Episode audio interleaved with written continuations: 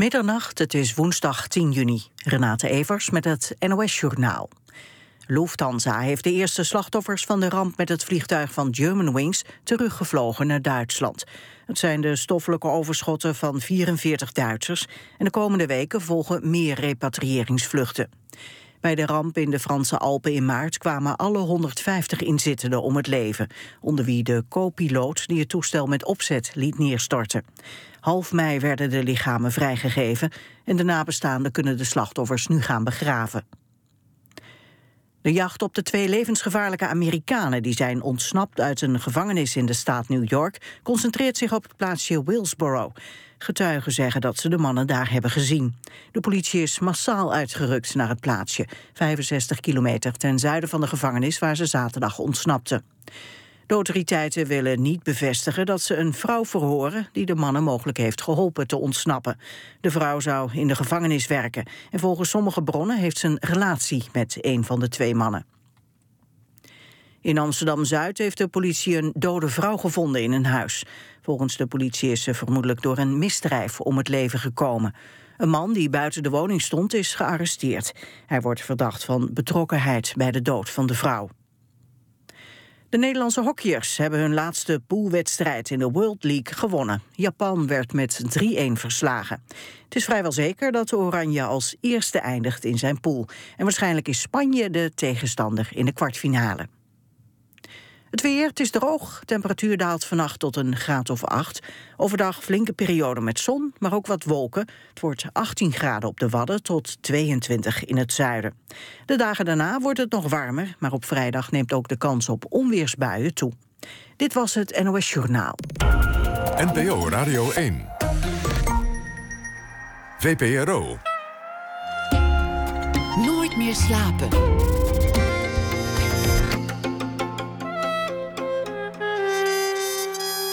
Met Pieter van der Wielen. Goedenacht en welkom bij Nooit meer slapen. Een revolutie in de radiowereld werd aangekondigd. Computer, telefoon en downloadgigant Apple gaat ook radio maken. Hoe ze dat gaan doen en wat ze van plan zijn na ene. Een auto zo cool, zo mooi en zo snel dat het eigenlijk een kunstwerk is. En je kunt hem ook niet betalen. De Porsche 911, een kunsthistorische beschouwing na ene. Maar we beginnen met Ramsi Nasser.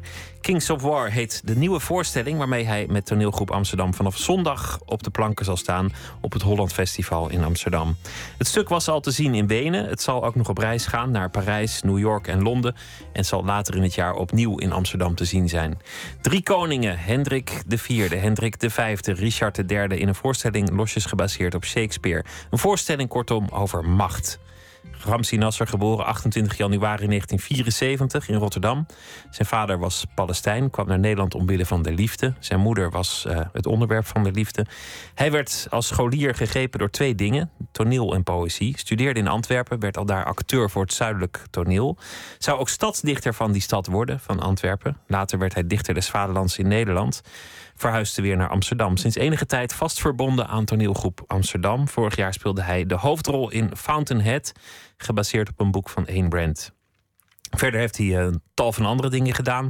Speelde onder meer in de televisieserie Overspel. En hij maakte ook uh, reisreportages, zo nu en dan. Welkom, Ramsi Nasser. Bedankt. Machtshonger, is het je vreemd? Macht. Heb je het? Uh, machtshonger. Ik dacht even op basis van die cv die je net uh, oplepelde. nou, daar, staat, daar staan geen machthebbende nee. functies in. Nee, daarom. Nee. je bedoelt in, in verband met Kings of War. Um, de machtshonger, is het me vreemd? Nee, ik denk het niet. Nee. Oh, ik had, ik nou had... ja, je, misschien, je had gehoopt dat ik zou zeggen. Ja, nee, ik had, ik had niks gehoopt, maar ik had gedacht. dat, jij leek me helemaal niet iemand die op macht nee, uit is. Nee, maar wat is. Ja, ik denk dan meteen, laat ik maar meteen uh, proberen niet de heilige boon uit te hangen. Je wil wel iets bereiken, maar of dat macht is. Ik, soms hoor je wel eens op, als, van mensen die zeggen: Oh, je moet de politiek ingaan. Je hebt zo'n. Uh, zo'n enorme mening over dat onderwerp, maar dat spreekt me dus totaal niet aan. Dus nee, geen machtshonger, maar wel een honger om iets groots te bereiken. Snap je dan wat ik bedoel? Dus het heeft niet, maar dat heeft niet met macht te maken, maar dat heeft te maken met iets willen achterlaten. Dat En zou, dat, dat zou ik je- nooit uit mezelf zeggen hoor. Maar dat, omdat je Nou er nu ja, naar vraagt, denk ik, ja, moet ik wel toegeven dat dat er misschien wel een beetje in zit. Dat zou je dan geldingsdrang eerder noemen. Dat is misschien een lelijke precies. eh, Geldingsdrang en ambitie. Maar ik hoef niet zo nodig op een hoge post eh, te staan ergens. Nee. Maar het is natuurlijk altijd makkelijk praten als je een bepaalde positie eenmaal hebt bekleed. Hoef je die, de mensen die zeggen geld maakt niet gelukkig zijn vaak eh, rijke mensen. Ehm, ik heb natuurlijk, ik heb wel een soort voorrecht gehad om bepaalde dingen al te eh, nou ja, bereiken. Niet met bekleden, zoiets als dichterschap des vaderlands of stadsdichter zijn. Dat vond ik wel fantastisch om te doen. En eh, dat heeft niks met macht te maken, maar je merkt toch dat daar naar gekeken wordt van. Goh, eh, dat, alsof dat kennelijk iets heel belangrijks is. En dat zie ik zelf niet als zodanig, maar ik merk wel dat dat. eh, Maar dan heb je het meer over een positie. Dat is niet, denk ik, echt. nou, dan macht. is nee het antwoord. Nou, mooi. Maar wel een drang om op het podium te staan. Om, ja, om precies. Dus geen machtshonger, maar wel eh, inderdaad wel. Ja, kijk. Ja, dat is natuurlijk altijd de hele eeuwige kwestie. Wat bezielt een acteur? Je moet natuurlijk een lichte afwijking hebben. Ik zal niet zeggen, meteen zeggen dat je, eh, dat je een ziek persoon bent. Maar het is een afwijking als je zelf het opzoekt om op een podium te gaan staan, bekeken te worden door liefst meer dan een paar honderd man. En licht op je te hebben staan. En er dus vanuit te gaan dat het dus interessant is als jij in dat licht staat en dat jij iets te zeggen hebt. Dan zal er wel iets mis met je zijn. Ja, dat, dat, dat is zo. Nou ja, Maar- mis, maar je kunt daar- klinkt meteen heel, heel diagnostisch. Ik bedoel, eh, Nee, dat, maar het is eh, natuurlijk niet normaal. eh, van ja, op een podium staan, in de spotlight staan. Heeft dat met geldingsdrang te maken? Ja, dat, als, je de, als ik dan, to- dan toch op, als ik toch op Freud's, op Freud's sofa lig, ja, dan zal dat zeker daarmee te maken hebben. Had je- had je dat ik, altijd de, eerste keer dat ik dat deed op de middelbare school, of eigenlijk op de lagere school, deed ik eh, cabaretiers na. En alleen de juffen en de meesters begrepen wat ik. eh, Nederlands hoop deed ik na, Bram Vermeulen en Frik de Jonge. En ik snapte zelf nauwelijks wat ik aan het eh, zeggen was, maar ik kende al die sketches uit mijn hoofd. En toen genoot ik voor het. Dus de juf en de meesters eh, die vonden het geweldig. En alle andere kinderen snapten ook, net als ik, waar, het- niet waar het over ging. Maar dat was wel de eerste keer dat ik ervan genoot om. dat ik merkte: dit, dit wil ik. Dit kan ik misschien ook wel. Het voelde lekker om, om, om die blikken Ja. op je gericht te krijgen en om, om in dat centrum te staan. En dat heeft heel primair te maken. Kijk, nu de- kan ik zeggen: God, waar gaat het me natuurlijk allemaal om? Eh, jezelf wegcijferen, dat je zelf verdwijnt uit het kunstwerk. Ehm, iets achterlaten dat groter is dan jezelf of wat dan ook. Maar toen ging het gewoon om heel primaire dingen. Aandacht. Ja, je, je krijgt aandacht op een manier. Je merkt ineens: dit.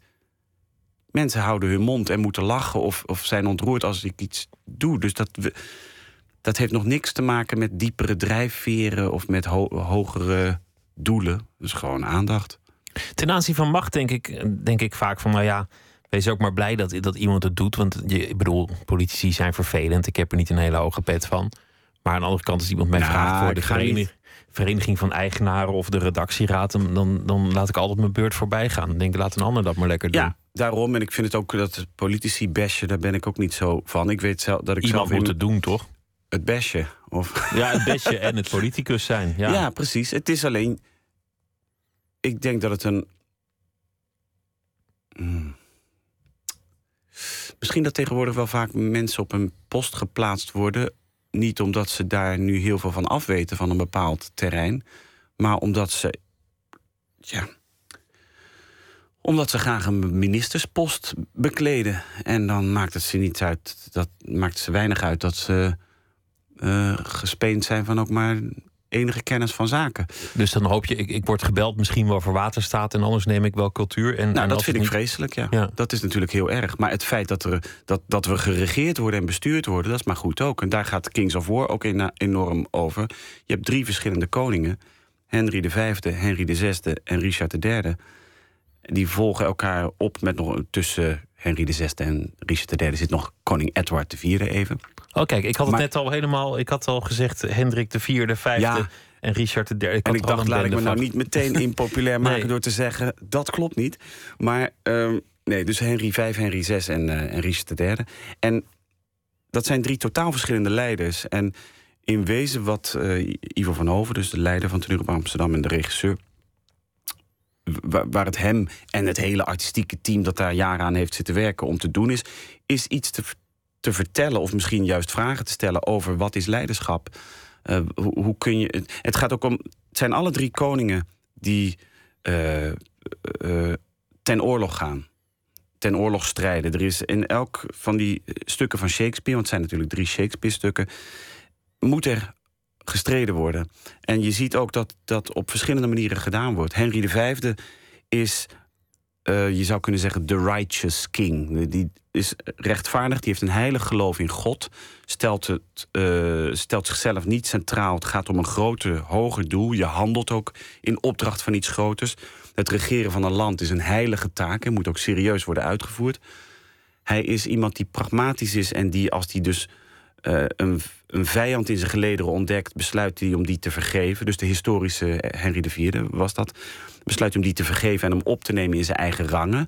Uh, als die oorlog voert met Frankrijk wil hij ze niet vernederen als hij ze overwonnen heeft in het verdrag. Nee, hij, hij trouwt ook met een, een, Franse dame, de, de, dochter van de Franse koning, om een pact te maken. Dus je oude vijanden moet je, daar moet je een bond mee smeden. En hij denkt altijd vanuit het goede. Hij wil het goede doen.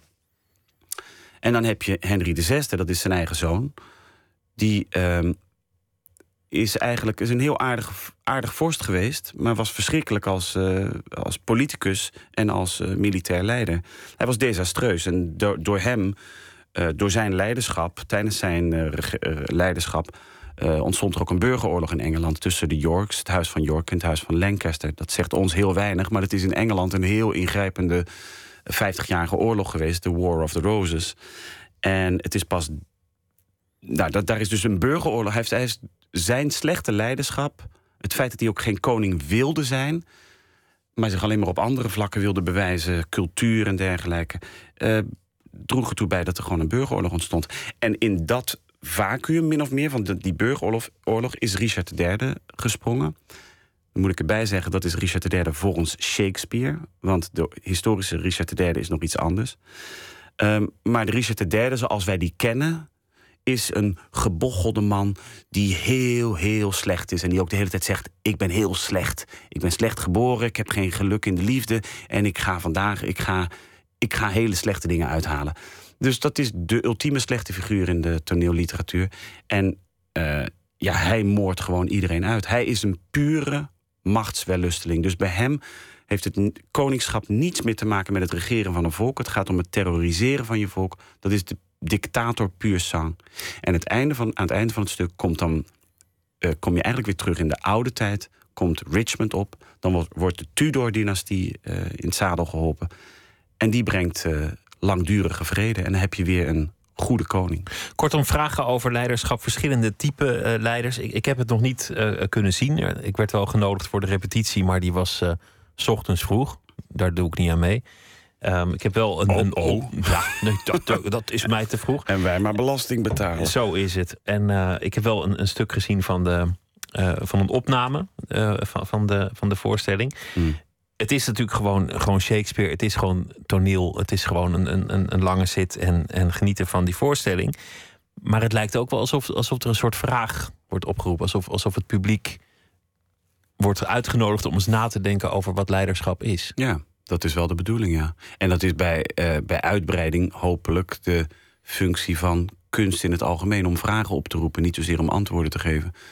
Um, ja, hopelijk ga je met vragen naar huis. Want wat is een goede koning? Uh, Henry V gelooft heilig in God. Wij geloven, wij zijn niet meer geneigd om in een God te geloven. Maar soms kan het geloof in iets hogers, iets dat.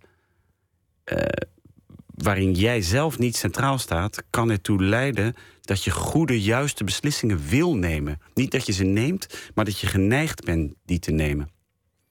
En je kunt ook heel vreed zijn als gelovige koning. Dat, dat, sluit elkaar niet uit. Maar je doet het voor een hogere zaak. Het, het, uh, het gevaar is natuurlijk. Is dat altijd goed? IS strijdt ook voor een grotere, hogere zaak en is in hun ogen met het juiste bezig. In onze ogen is dat pure terreur. Is het, nou ja, Kortom, kun je- uit te leggen. Kun je Dus- beter een soort, soort pragmaticus hebben die zegt: Nou, ik, ik heb geen principes, ik doe gewoon naar bewind van zaken wat het beste uitkomt? Of moet je iemand hebben met een hogere overtuiging? Want dat, dat kan ook weer gevaarlijk en corrupt zijn. Nou, dat, is- dat zijn dus eh, inderdaad essentiële vragen. En elk van die koningen die, waar we het nu over hebben, wordt geconfronteerd met oorlog. En in oorlog is het, kun je nooit zeggen. Dit is, het ju- dit is alleen maar juist, want daar vallen doden. Dat is ook wat Henry V zegt. Ik wil zeker weten dat de reden waarom ik met Frankrijk in oorlog ga, zometeen, dat de, dat de redenen daarvoor juist zijn. Nou ja, vergelijk dat met de huidige manier van oorlog voeren. Er moet gewoon een, eh een aanle... Hoe heet dat in het Engels? De, eh, het is na twaalf, ik ben het even kwijt. Maar d- een er moet een reden zijn. Ja, precies, een casus belli. Er moet een reden zijn om ten eh, oorlog te gaan. Maar die mag ook gefingeerd zijn, mag ook gefabriceerd worden. Ik bedoel, we, we kunnen allemaal nog wel eens Maar wat je altijd ziet, als er, oorlog, als er oorlog gevoerd gaat worden, dan begint het met de grote woorden. Dan moet je gaan oppassen. Als, als woorden als vrede, democratie, vrijheid, als die, als die genoemd gaan worden, dan, dan begint het link te worden. Nou, dat weet, dat weet ik niet. Eh, Democratie is, is, vind ik niet een te groot woord. Nee, maar dan, dan, dan weet je gewoon dat, dat strijd onafwendbaar wordt. Omdat je zulke grote woorden hebt ingezet, dan kun je bijna niet meer terug. Ja, maar soms moet er oorlog gevoerd worden. Vroeger, eh, vroeger, eh, toen ik op de middelbare school zat, noemde ik mezelf pacifist. Want oorlog, dat is slecht. Ja, tuurlijk is oorlog slecht. Maar, nou ja, als IS voor de, ja, of gewoon in de Tweede Wereldoorlog. Oorlog is slecht, ja, maar je moet je wel kunnen verdedigen.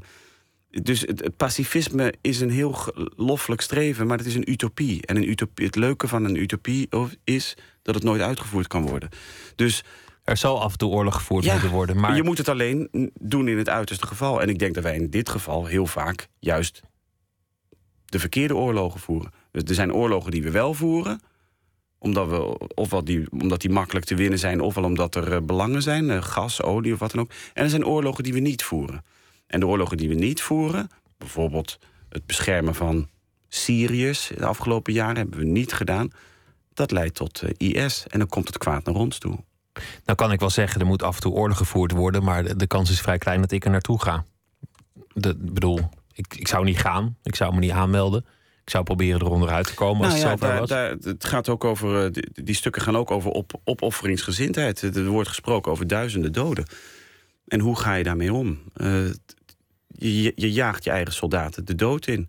En in Henry V zit een heel. eh, ik praat een beetje veel over Henry V. En, eh, maar dat is jouw rol. Ja, dat, is niet omdat, Ja. ik, omdat ik toevallig daar middenin zit, zeg maar. Eh, er is een scène waarin Henry V in zijn eigen kamp wil die weten... Ze, ze staan er heel slecht voor. Er is dysenterie uitgebroken in zijn kamp. Ze zijn met veel minder, dus de moraal is heel laag. En hij wil in zijn eigen kamp zien hoe, hoe, de, hoe, de, nou ja, hoe het moreel is. Dus hij, hij ja, verft zich, eh, hij camoufleert zich. En nou ja, dan moet je een beetje eh, in toneelwereld denken. Dus hij wordt niet herkend als koning. Dus hij gaat me in lege, kleren en hij gaat met een soldaat praten. En die soldaat zegt van ja, voor de koning is het hartstikke makkelijk. Ko- want Henry, Henry V zegt dan van... ik denk dat we de zaak waarvoor we strijden is rechtvaardig, juist. En eh, het is goed om in het gezelschap van de koning te sterven... want het is voor een hoger doel. En die soldaat zegt, ja, allemaal leuk en aardig... maar ik ga zo meteen sterven. En jij gaat zo meteen ook sterven. Hij heeft natuurlijk niet door dat het de koning is. Hij zegt, "Wa- wa- waar, waar doen we dit voor? Ga jij het uitleggen zo meteen? En, en de, koning, de koning heeft heel wat op zijn geweten zo meteen... als wij zo meteen, als onze vrouwen... eh, als wij thuiskomen in, in doodskisten... en onze vrouwen zijn weduwe geworden. En dat is het moment waarop de, de koning een grote crisis eh, ervaart. Want ja, moet dat? Moet hij tot zover gaan? En dat is natuurlijk iets wat nu nog steeds geldt: dat de mensen die de oorlogen beginnen niet degene zijn die de oorlogen uitvechten. Nee, dat is een uh, Srebrenica. Is de, is de, de zaak eigenlijk. Wij denken daar niet meer aan, wij Nederlanders. Maar, Behalve de mensen die er waren, die, die zullen daar nog vaak aan ja, denken. en de Dutch batters zijn daar. Wij hebben dan ook de neiging om te zeggen: ja, het waren de Dutch batters, ja, dat waren laffe, laffe mannen. Maar die hadden een mandaat dat volstrekt ontoereikend was. En dat mandaat om dus de Bosnische bevolking in die enclave te beschermen, was expres ontoereikend. Want van hogerhand was al lang beslist dat die enclave zou vallen. Dus heel vaak is het politieke spel werkt in lagen. Je hebt de soldaten die zich gewoon doodvechten. Daarboven heb je, ehm, nou, heb je de, generaals en zo. En daarboven heb je landelijke politici. En daarboven heb je weer ja, de Verenigde Naties en dergelijke. En heel vaak is al lang uitgedokterd hoe het zal verlopen, een oorlog. Alleen het voetvolk weet daar niks van. En als het er iets van weet, heeft het. het als je er tegen in opstand komt, ben je een deserteur. Shakespeare uh, altijd geldig. We gaan luisteren naar Fleet Foxes, een van de belangrijkste bands van de laatste jaren. Uit 2008 draaien we een nummer met de titel Tiger Mountain Passage Song.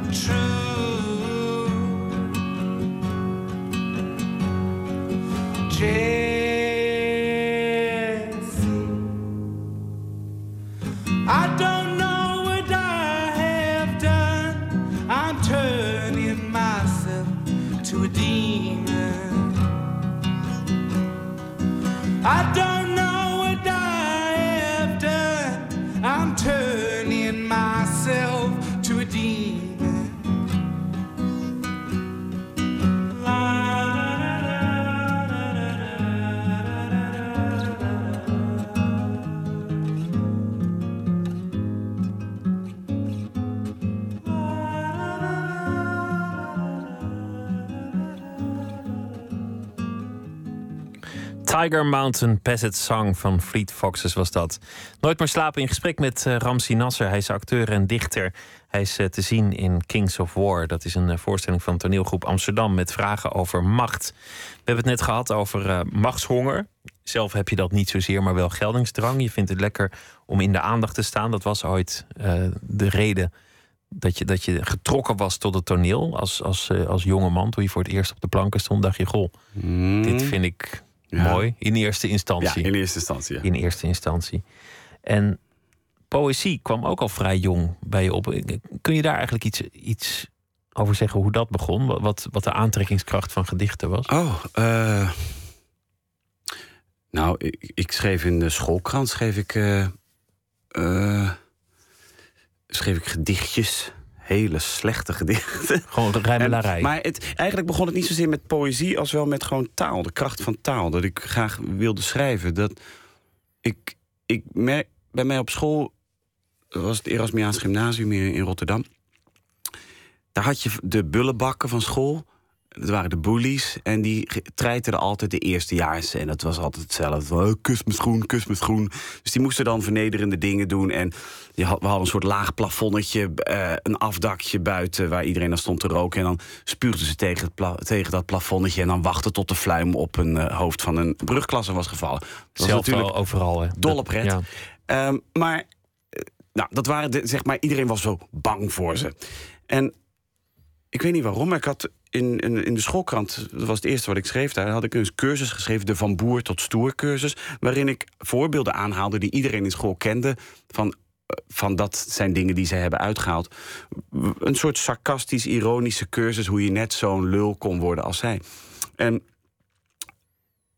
wat, het, wat heel raar was, dus eh, dat werd gedrukt en de mensen, de eh, andere scholieren lazen dat. En van de een op de andere dag verschrompelden die, die, die stoere gasten, want die werden gewoon publiekelijk uitgelachen. Iedereen had dat gelezen. En dat was voor het eerst dat ik besefte: oké, ik ben niet iemand die anderen in elkaar kan rammen. Ik heb geen fysiek, ik bedoel, ik heb wel fysieke kracht, maar ik ben niet echt geneigd dat in te zetten. Ik ben niet zo agressief fysiek.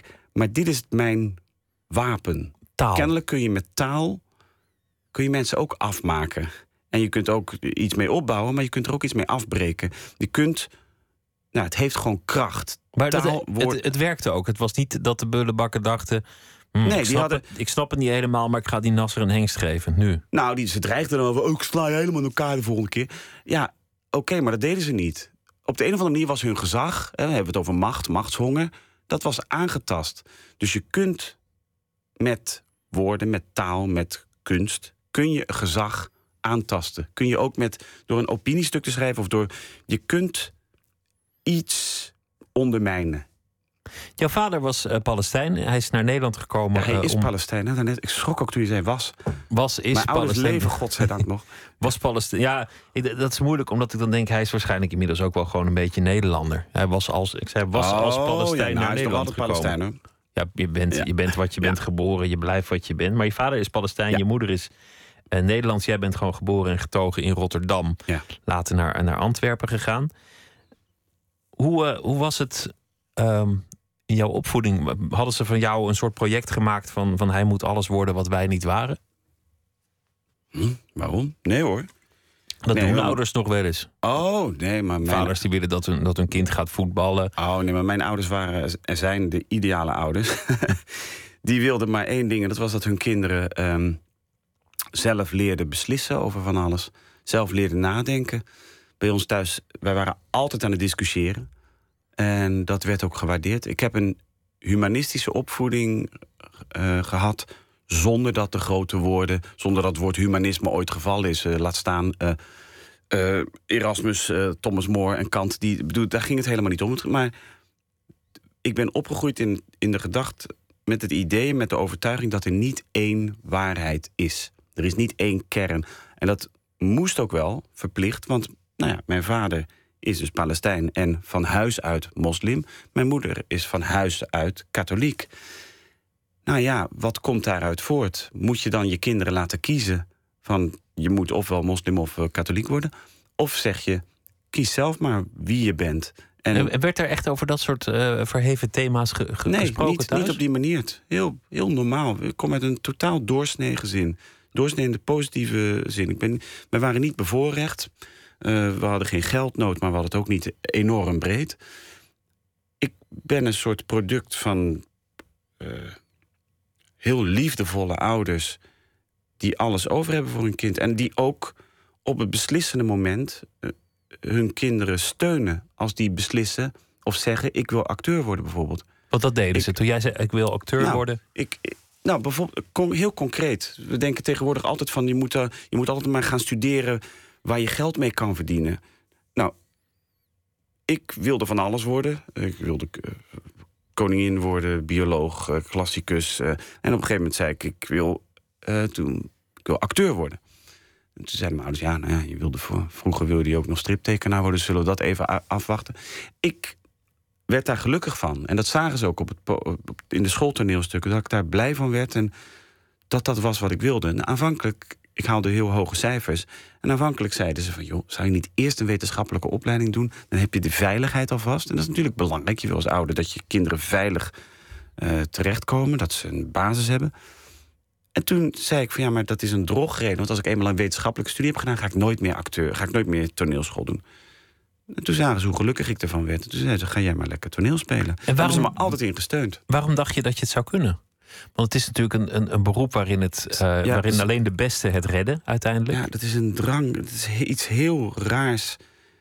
Mijn vader, toen ik naar de toneelschool in Antwerpen, dus Studio Herman Terling, toen ik auditie ging doen, was mijn vader mee. Heel lief, die reed me naar Antwerpen. Die heeft de hele dag zitten wachten daar. En dan zijn we samen naar huis gereden. Aan het eind van de dag wist ik, ik ben, ben er door. Ik zat bij de eerste lichting.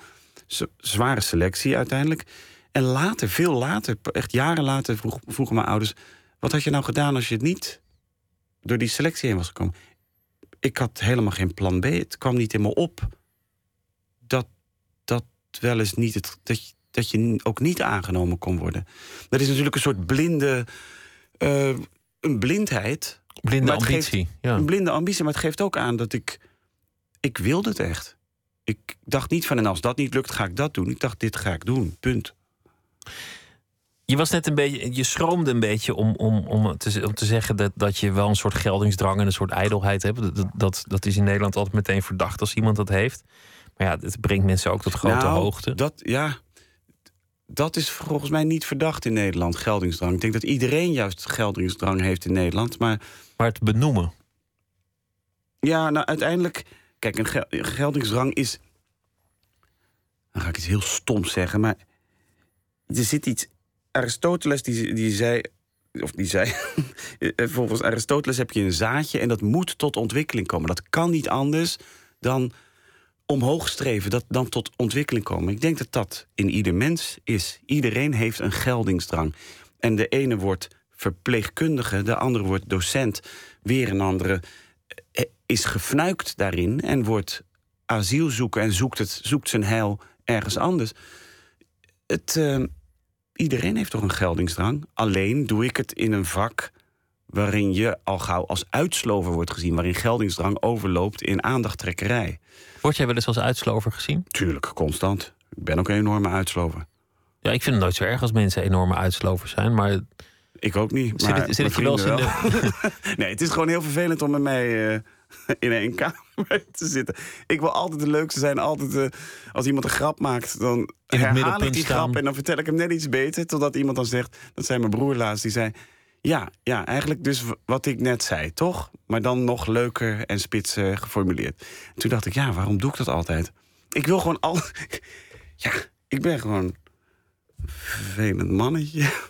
Nou ja, als het, als het, ik bedoel, je, je hebt ook goede vrienden en die, die, eh, die vinden het leuk om met je om te gaan. Is, is het voor een vrouw nog te doen om aan je zijde te verkeren of moet ze dan ondergeschikt zijn? Nou, dat is geloof ik al een paar jaar niet meer te doen, nee. Nee? Nee, ik, ik, ik stel een serieuze vraag. Ik ben benieuwd hoe dat. Nou ja, Moet ik, nee, maar ik, ik weet niet. Nou ja, is dat voor een vrouw te doen? Nou, kennelijk even niet. Nu, o- ja. Omdat je momenteel even geen vriendin hebt, bedoel Ja. je? Ja, maar ja, dat, Dus- kan, dat kan honderden redenen hebben. Ja, nou, dat heeft ook honderden redenen. En, eh, en de belangrijkste is dat ik gewoon nog niemand ben tegengekomen. En die persoon is mij kennelijk ook nog niet tegengekomen. Waarbij we samen zeggen: hé, hey, dit is hem en hé, hey, dit is haar. Dus ja, dat komt wel. Maar ik, vind het, het- ik vind het fijn dat ik gewoon eh, Maar je niet bent- afhankelijk ben daarvan. Ik ben wel. Maar je bent, je bent ontzettend hard aan het werk, volgens mij. Ik bedoel, Ja, maar nu, ik neem ook- nu bij toneelgroep Amsterdam, maar daarvoor ook als dichter des Vaderlands. Het, het aantal optredens dat jij deed was, was. Nou, was dat is moeilijk. om een Heel relatie veel. met zo iemand te hebben, ja. Maar ik kan heel, heel lief zijn en heel veel tijd vrijmaken voor, eh, voor de leuke dingen.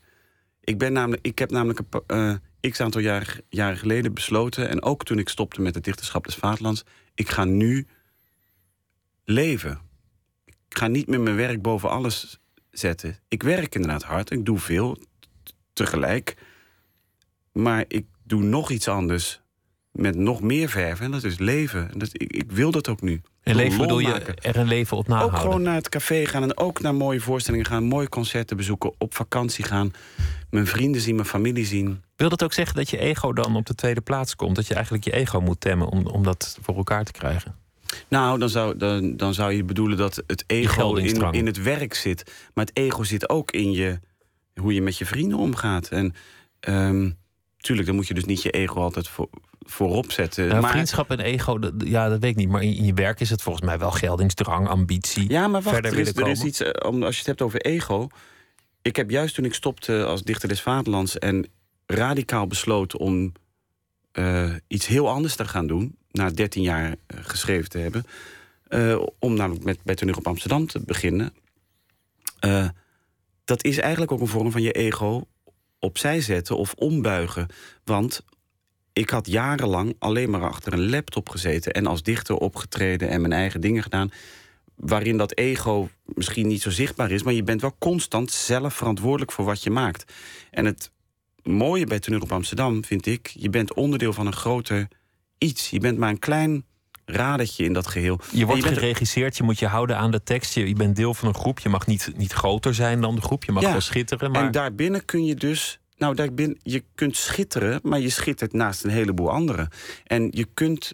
De troost daarin is dat, dat niemand die productie kan maken zonder de anderen. Zonder de technici, die zich echt helemaal het leplazerus werken. Dat is echt ongelooflijk dat die dat elke keer weer doen met een productie. Zonder die technici staat die productie er ook niet. En dat is geen valse bescheidenheid nu. Maar het is wel goed om soms te merken dat je juist door je ego opzij te zetten meer van jezelf kunt laten zien. Ik, ik kan in die rollen, in The Fountainhead en, in, eh, nu in, in eh, The Kings of War, kan ik heel veel van mezelf laten zien. Hoe plat en eh, flauw dat ook klinkt, maar je kunt iets doen, iets maken. je kunt meer dat- van jezelf laten zien door jezelf eigenlijk kleiner en ondergeschikter te maken Ja. aan, aan de productie. Iets, je hebt minder verantwoordelijkheid, maar dat wil niet zeggen dat je daarmee ook minder eh, presteert, aanwezig bent, deel uitmaakt van het eh, geheel. Ben jij ehm, iemand die er een klassiek gezinsideaal op nahoudt? Is, is dat, is dat iets, iets wat jij zou willen? Een, een, een, Ja, een huis, een kind, een, ik een heb golden vorige retriever? week een huis gekocht. Ah, nou die is er. Ja. Eh, en, en ja, een gezin lijkt me ook eh, fantastisch. Ik denk dat ik een geweldige vader zou zijn. Ja, ook, dat, ook dat is weer een soort geldingsdrang. Hè? Van kijk, mij is een geweldige nee, dat vader heeft met iets heel anders te maken. Vertel eens. Als je niet in iets.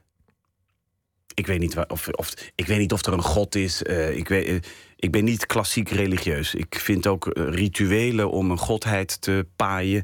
Lijken me vrij zinloos. Ik denk niet dat een god zit te wachten om zoveel keer eh, per dag eh, dat ritueel uitgevoerd te zien of wat dan ook. Die god God gelooft het wel. Ja, precies. Die vindt het allemaal wel prima, denk ik. Maar als je niet in zo'n een godheid gelooft, is er eigenlijk een hele tijd niks daaronder. Een soort mistige vlakte van zinloosheid.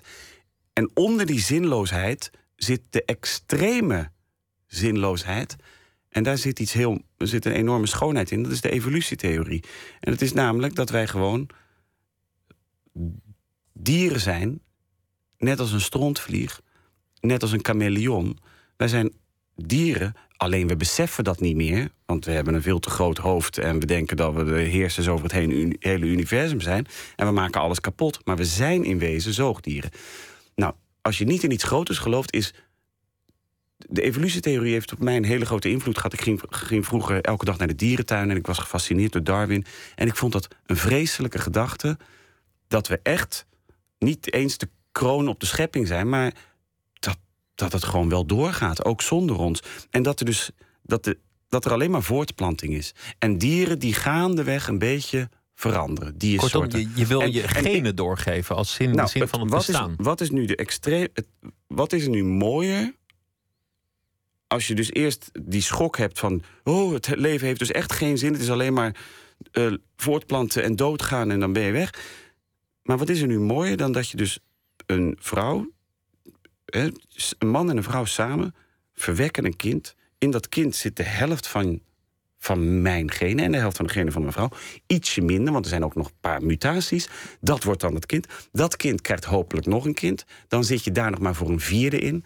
En dat kind een achtste. En gaandeweg dein je dus uit. Maar het is toch. In het niks. En dat is een fantastische gedachte. Maar dat is toch gewoon uitstel van, van executie waar het gaat om de zinloosheid dat is van de bestaan. enige zin waarom we hier zijn.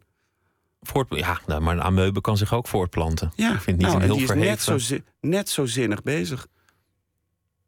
Maar dat is het mooie. Dat is, dat is dus echt het mooie. En als je Maar is- daarvan... is dat- Kijk, ik- ik, ga- wil- dan ik ga ik iets het toch heel weten. doms zeggen. Henry, de vijfde, Henry handelt vanuit een, grotere, een groter doel. Strij, strij- gaat ten oorlog omwille van de rechtvaardigheid, omwille om God te dienen. In wezen is er niks anders. Is het een ideale vervanging daarvan, als je beseft dat God een verzinsel is, te beseffen dat je deel uitmaakt van die keten van leven en dood. En dat het doorgaat na jou en dat het voor jou ook al die tijd is doorgegaan.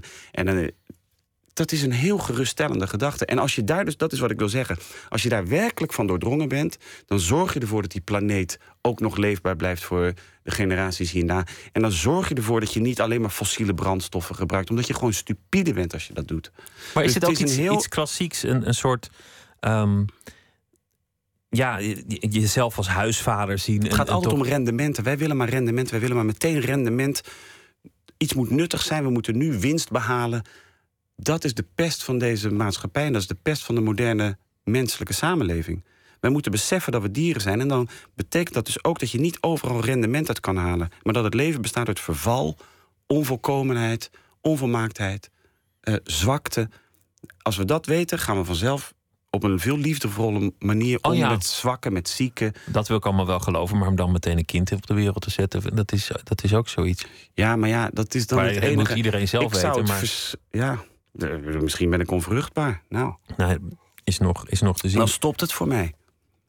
Je, eh, je Kijk, bent, ik, ik ga iets Ja. heel erg zeggen, maar we, we hadden het voor deze uitzending even over eh, eh, een gemeenschappelijke eh, vriend, kennis. eh, die- Thomas we kennen, Blondeau. hebben, Thomas Blondeau, jonge schrijver die op veel te jonge leeftijd eh, is overleden. Ja, als, als je zoiets meemaakt, dus als je merkt dat iem- iemand die 35 jaar is en die alles, alles moet nog gaan beginnen en alles gaat net beginnen. Vriendin van zijn leven ontmoet sinds een paar maanden. Boek wordt jubelend ontvangen en die valt ineens dood neer. Ja, wat is dan de zin van het leven? En dan heb je al je dromen van een gezin maken. En ik ga dit doen en ik ga een huis kopen. En in dat huis moet een kinderkamer zijn, want mijn, toekomstige vriendin.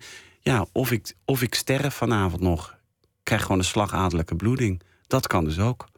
ja, dus je kan- kunt alleen maar zeker. zo goed mogelijk nu proberen te leven, denk ik.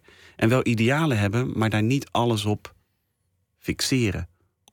Laat, ik- laat ik dan die vraag anders stellen. En, en, want, want jij, ik stelde eigenlijk gewoon een vraag naar het gezinsideaal, maar jij, jij maakte dat tot iets metafysisch.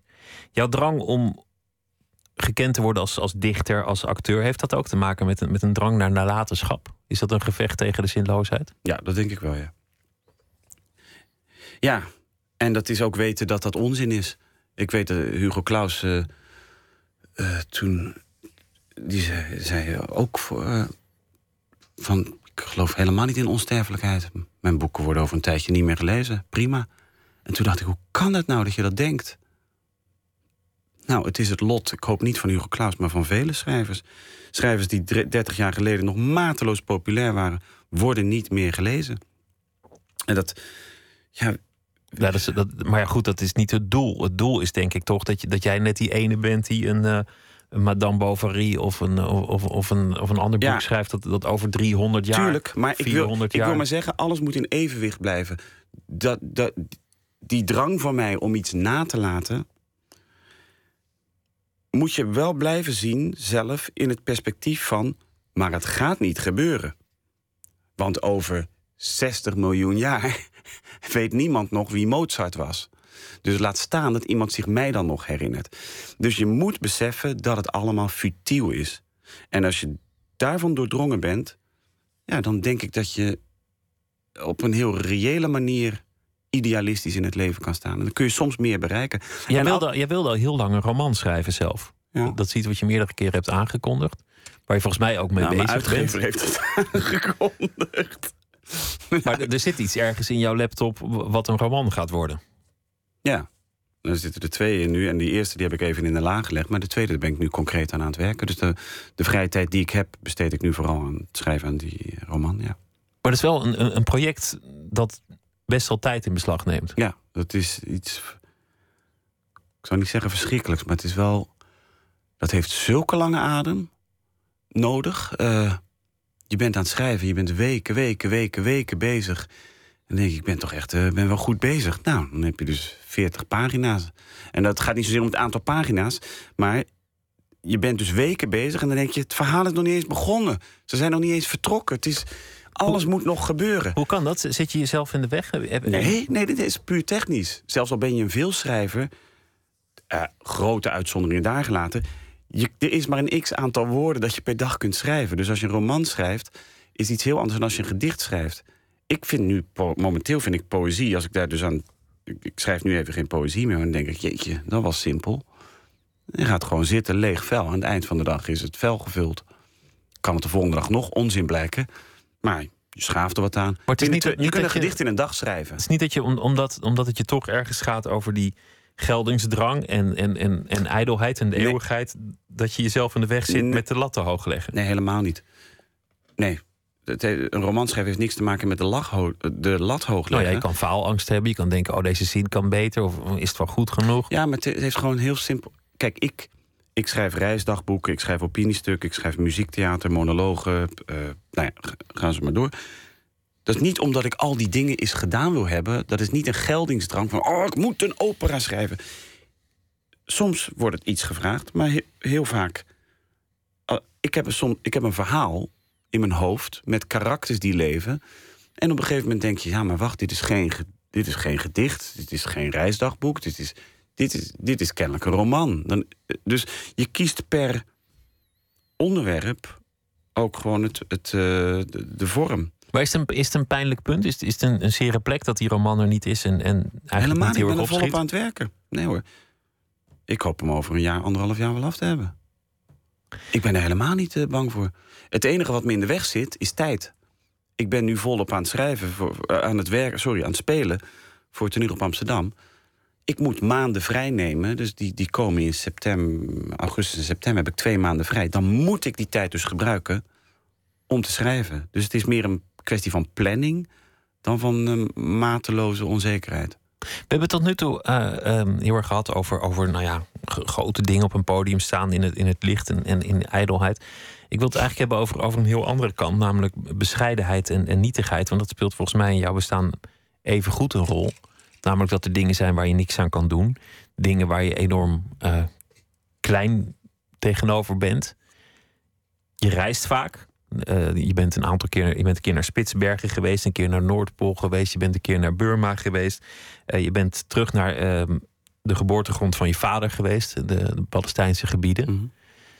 Dat zijn natuurlijk allemaal plekken waar, waar je eigenlijk, waar van alles aan de hand is waar je niks aan kan doen. Of het nou de klimaatverandering is, of, of, of, of de, het Midden-Oosten, of eh, Ja. de mensenrechten situatie. Hoe heeft je dat veranderd? Nou, heel concreet eh, ligt het in het verlengde van wat ik daarnet probeerde te zeggen met de evolutietheorie. Dat je. eh, dat heeft namelijk met bescheidenheid te maken. Ook, ook juist dat geloof in die.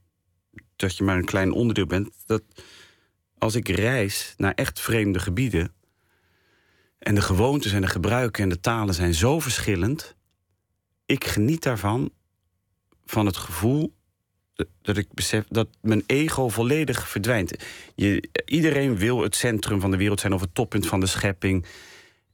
En in zo'n land merk je, ik ben hier de vreemde. Ik ben degene die aan het uiterste van de aan de rand staat ergens. En al deze mensen, hun geloof is het ware. Hun gebruiken zijn de juiste. Eh, hun feestdagen zijn de normale feestdagen. In Burma heb je, heb je zelfs eh, acht dagen in de week in plaats van zeven. Heel normaal. En dan besef je ineens, ik ben hier de vreemde eend in de bijt. En dat vind ik een heel fijne gedachte. Ik heb ooit met een eh, Syrische violiste in een orkest... volgde ik in een orkest. En die had bij, eh, bij het ontbijt... was er een rood... Een, eh, ja, een rood goedje zat er ergens in een bakje bij het ontbijt. En zij proefde daarvan. En ze dachten dat het een soort sambal was. En het bleek eh, watermeloen te zijn, watermeloenpuree. En zij zei tegen mij van, dat vind ik nou zo fantastisch. Je verwacht dit, maar het blijkt dat. Nou, er zijn mensen die vinden dat het ergste wat er is. Je verwacht iets en het blijkt iets heel anders. Dan zijn ze teleurgesteld of ze denken, hé, bro, vies. Zij genoot daarvan. Ik geniet daar ook van dat je ineens met iets wordt geconfronteerd... dat je totaal niet kunt, letterlijk niet kunt thuisbrengen. En dat, en bijvoorbeeld op Spitsbergen of op Antarctica... daar gaat het zelfs niet eens meer om andere culturen. Daar is geen cultuur. Dan ben je in een landschap dat niet voor mensen werd gemaakt. Dat ook eigenlijk technisch gezien onleefbaar is voor mensen. In de winter zou je daar niet overleven. In, in de zomer gaat het nog wel, maar in de winter dan... dan... Nee, nee, niet in de omstandigheden. Kijk, nu kunnen wij over. We gaan ook naar Mars uh, binnenkort. Tuurlijk, neem je Dus- een tentje en een dus- slaapzak en een dus pak, maar... Alles is nu mogelijk. We hebben alles wel ge- gecoverd, zo ongeveer. Maar dat is een gebied dat niet voor mensen werd gemaakt. En waar wij ook niet zomaar kunnen doen wat we willen. Dus dat is ook vrijgehouden voor, eh, tegen mensen. Dat, dat is de, zijn de laatste resten echte wilde natuur. Ehm, ik vind dat fantastisch om daar te zijn en te merken... ik ben op een plek waar ik niet thuis ben. En waar, als ik nu even niet oplet, als ik drie minuten niet omkijk... kan er een ijsbeer staan en ben ik weg. Dat vind ik een heel bevrijdende gedachte. En ook het feit... die ijsbeer, die heeft, daar, die heeft recht om mij aan te vallen. Dat wordt er ook gezegd op Spitsbergen. Van, de ijsbeer heeft altijd het recht om jou aan te vallen. Dus eh, dit is zijn thuis. En je mag pas schieten op het moment dat hij op eh, minder dan eh, eh, 45, eh, 30 meter afstand is. Daar, als, je, als, je, als je schiet op 100 meter afstand, dan word je vervolgd. Ja, dat vind ik, ik vind dat fantastisch. Maar als je schiet op 15 meter afstand ben je gewoon te laat. Nou, dat kan al net. Oh, dat kan. ja, ja dat, is, het zijn toch codes hè, ten, ten aanzien van, van, eh, van ijsberen. Je ging ook naar ehm, de familie van je vader. Hij had eigenlijk gezegd: Ik ga pas terug als het is opgelost. Mhm. Als, als de bezetting van de Palestijnse gebieden is, is opgeheven. Nou ja, dat, dat leek allemaal wat langer te gaan duren. Toen ben je daar eh, eh, geweest. Het is eigenlijk geen onbeladen afkomst. Om, Nee. om, om van Palestijnen af te stammen. Dat, dat is meteen politiek. Ja, Hoe graag je dat ook niet zou willen. Ja, dat is ook eh, het treurige aan de hele situatie. Mensen denken bij. Als we het hebben over Pa- Palestijnen, denken ze meteen: oh ja, moeten we het weer over politiek hebben. Terwijl als er iets is. Mensen denken dus dat Pa- Palestijnen automatisch politieke dieren zijn. Dus geboren zijn om geëngageerd te zijn. Terwijl ik denk dat een deel van de oplossing is te beseffen dat Palestijnen. En je kunt het eh, transponeren op allerlei andere onderdrukte volkeren willen niks liever dan van politiek bevrijd worden. En willen misschien net zoals wij naar een winkel kunnen gaan om een brood te kopen. Zonder dat er een militair op straat staat. Eh, ze willen naar een ziekenhuis kunnen. Ze willen hun familie in een ander dorp kunnen bezoeken. Zonder dat ze drie uur in de stromende regen ergens moeten staan wachten. Dus wat wil een Palestijn? Helemaal niks met politiek te maken hebben. En een normaal leven leiden. De totaal een saai burgerlijk bestaan. En op het moment dat je dat aanvaardt, dan kun je ook onder ogen zien dat die omstandigheden waaronder ze nu wonen zo abnormaal en krankzinnig en misdadig zijn, dat ze wel in politieke dieren moeten veranderen. Maar het is wel jouw familie. Ik bedoel, jij kwam daar, eh, eh, acteur, dichter, bezig met, met, met nuttige en verheven dingen. Eigenlijk altijd geprobeerd om je een beetje buiten de discussie te houden. Omdat je gewoon dacht van ja, ik, ik ben er wel van Palestijnse afkomst. Maar Nou, dat is niet helemaal waar. Ik heb verschillende opiniestukken erover geschreven en dat werd me ook niet eh, echt in dank afgenomen. Ik Maar bedoel, daar, daarin was je nou niet, niet enorm, eh, vond ik, politiek zozeer. Ik bedoel, je, je zei Nou, er moet iets gebeuren. Kennelijk En, eh, in eh, Antwerpen was er een lobby ontstaan om, mij, om ervoor te zorgen dat ik geen eh, stadsdichter mocht worden. nou ja, oké, alles wat je over die kwestie zegt, dat, Precies, dat, alles dat land, beladen. meteen, land meteen verkeerd. Maar, je- maar je komt daar en dan is dat jouw familie, waar jij toch in zekere zin bij, bij thuis hoort. Je had het net zelf over afkomst en hoe mooi dat is. Hè? Van het is nog de helft van mijn genen, een kwart van mijn genen. Ja, nou ja, ik ben opgegroeid volledig Nederlands. En ik had mijn familie aan Palestijnse zijde eh, nog nooit gezien. Een enkele oom eh, daar gelaten. Dus ook mijn eh, oma nooit gezien. Dus daar ben ik toen ik begin twintig was... voor het eerst naartoe gegaan. En dat, ja, wat kun je erover zeggen, behalve dat het zo indrukwekkend is dat het wezenloos wordt en dat het bijna geen indruk nalaat op sommige momenten, omdat het zo van onbegrijpelijk is als een vrouw die je nooit eerder hebt gezien met wijd open armen je ontvangt eh, en met tranen in de ogen je omhelst. En dat je weet, dat is de tante, dat is mijn tante, dat is de zus van mijn vader. Ja, dat is diep emotionerend en tegelijkertijd loop je emotie altijd achter. Want je moet de hele tijd met je geest denken: dit is mijn tante, bijvoorbeeld. Nou, hetzelfde met mijn ooms. Hetzelfde met het geboortehuis van, van mijn vader, eh, om daar te zijn. Dat... Maar we begonnen over, over macht en, en machtshonger. En, en toen zei je, nou, ik heb wel geldingsdrang, maar, maar macht zozeer, politiek zozeer, dat niet. Nou ja, als Toch je ben je wel bent, eh, geëngageerd. Heeft dat jou bewuster gemaakt en misschien ook geëngageerder dat je hebt gezien? maar van, engagement heeft niks met macht te maken. Maar wat je daar ervaart is de pure machteloosheid. maar machteloosheid machtel- is toch de- het tegenovergestelde van macht? Ja. Maar machteloosheid is een grotere reden tot engagement dan macht. Geldingsdrang is geen reden voor engagement. Macht is geen reden voor engagement. Machteloosheid. En dat wil niet zeggen dat mensen, wat ik net zei. Ik heb verschillende Palestijnen gesproken die, die zeiden, de Palestijnse dichters, die zeiden: Ik wil bevrijd worden van het engagement. Ik wil gewoon over een vijg kunnen dichten. Ik wil gewoon een vijg kunnen eten van mijn eigen boom.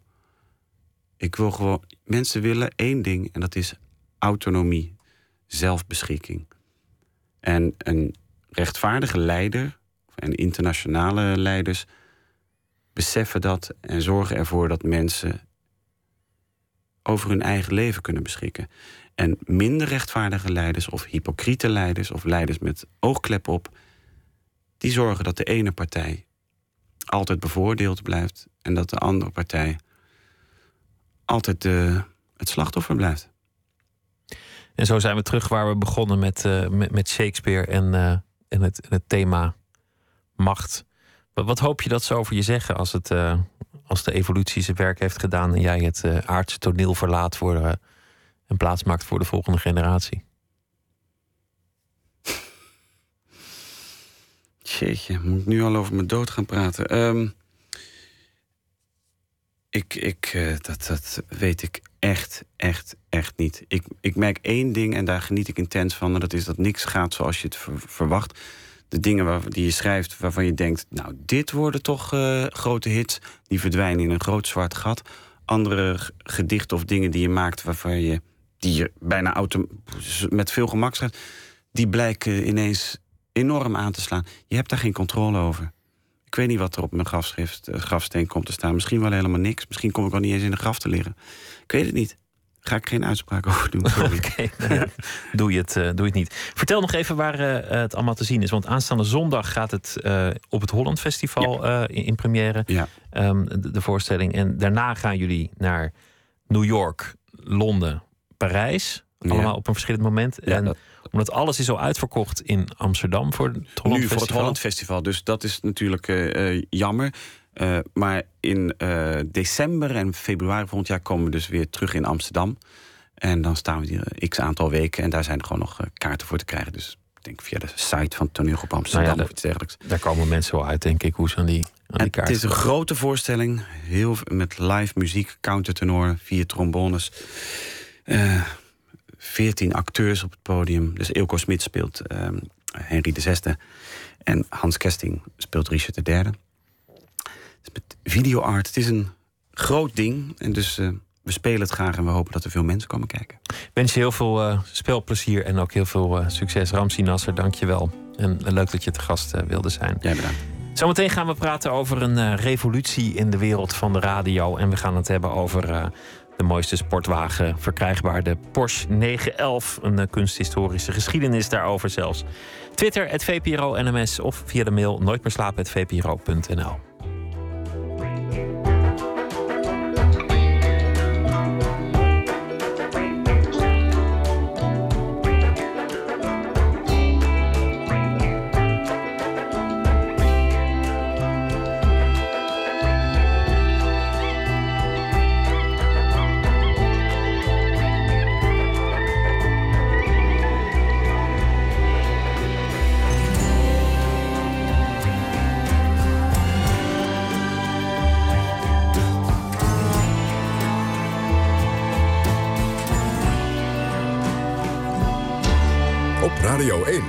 Nieuws van alle kanten.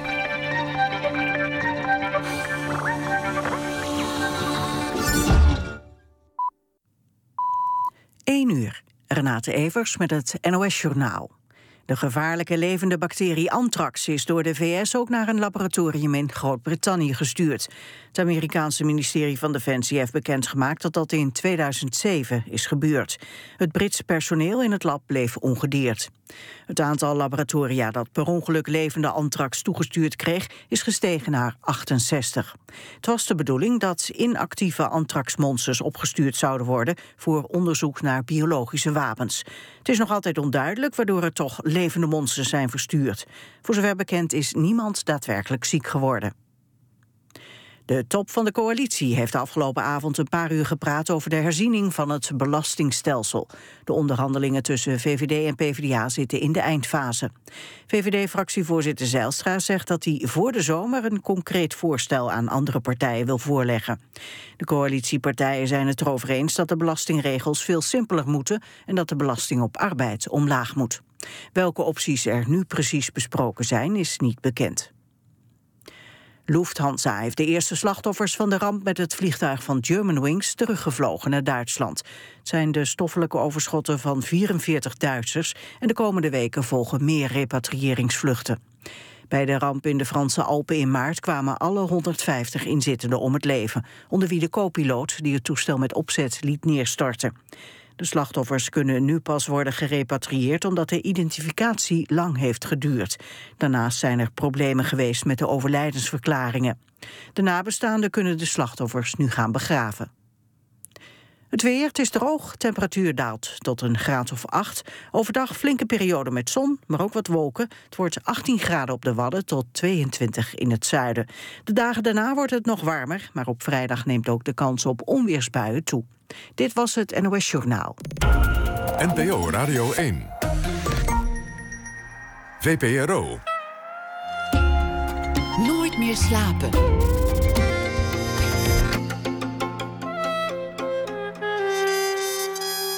Met Pieter van der Wielen. U luistert naar eh, Nooit meer slapen. Zometeen gaan we het hebben over sportwagens. We gaan het hebben over Apple Radio. En we gaan het hebben over empowerment training voor vluchtelingen. We beginnen met Alma Matthijssen, schrijver. eh, schreef eh, voor Spunk, Het Parool en andere media. Schreef ook twee romans. Alles is Carmen en De Grote Goede Dingen. Deze week zal ze elke dag een verhaal voor ons schrijven. En dat even na ene voordragen. Goedenacht, Alma. Goedenacht, hallo. Vertel eens over de afgelopen dag. Wat heeft eh, de wereld eh, meegemaakt? Wat is jou opgevallen? Ja, waar ik eigenlijk heel erg om moest lachen gelijk was een, eh, een meisje die met haar verzorgpony de trein instapte. Met haar verzorgpony Lopke. En die vond ze denk ik zo ontzettend leuk dat ze dacht, die wil ik gewoon mee naar huis nemen. En die heeft echt gewoon in de trein met pony en al gerezen. Wat is een verzorgpony? Waar, waar, waar- wat...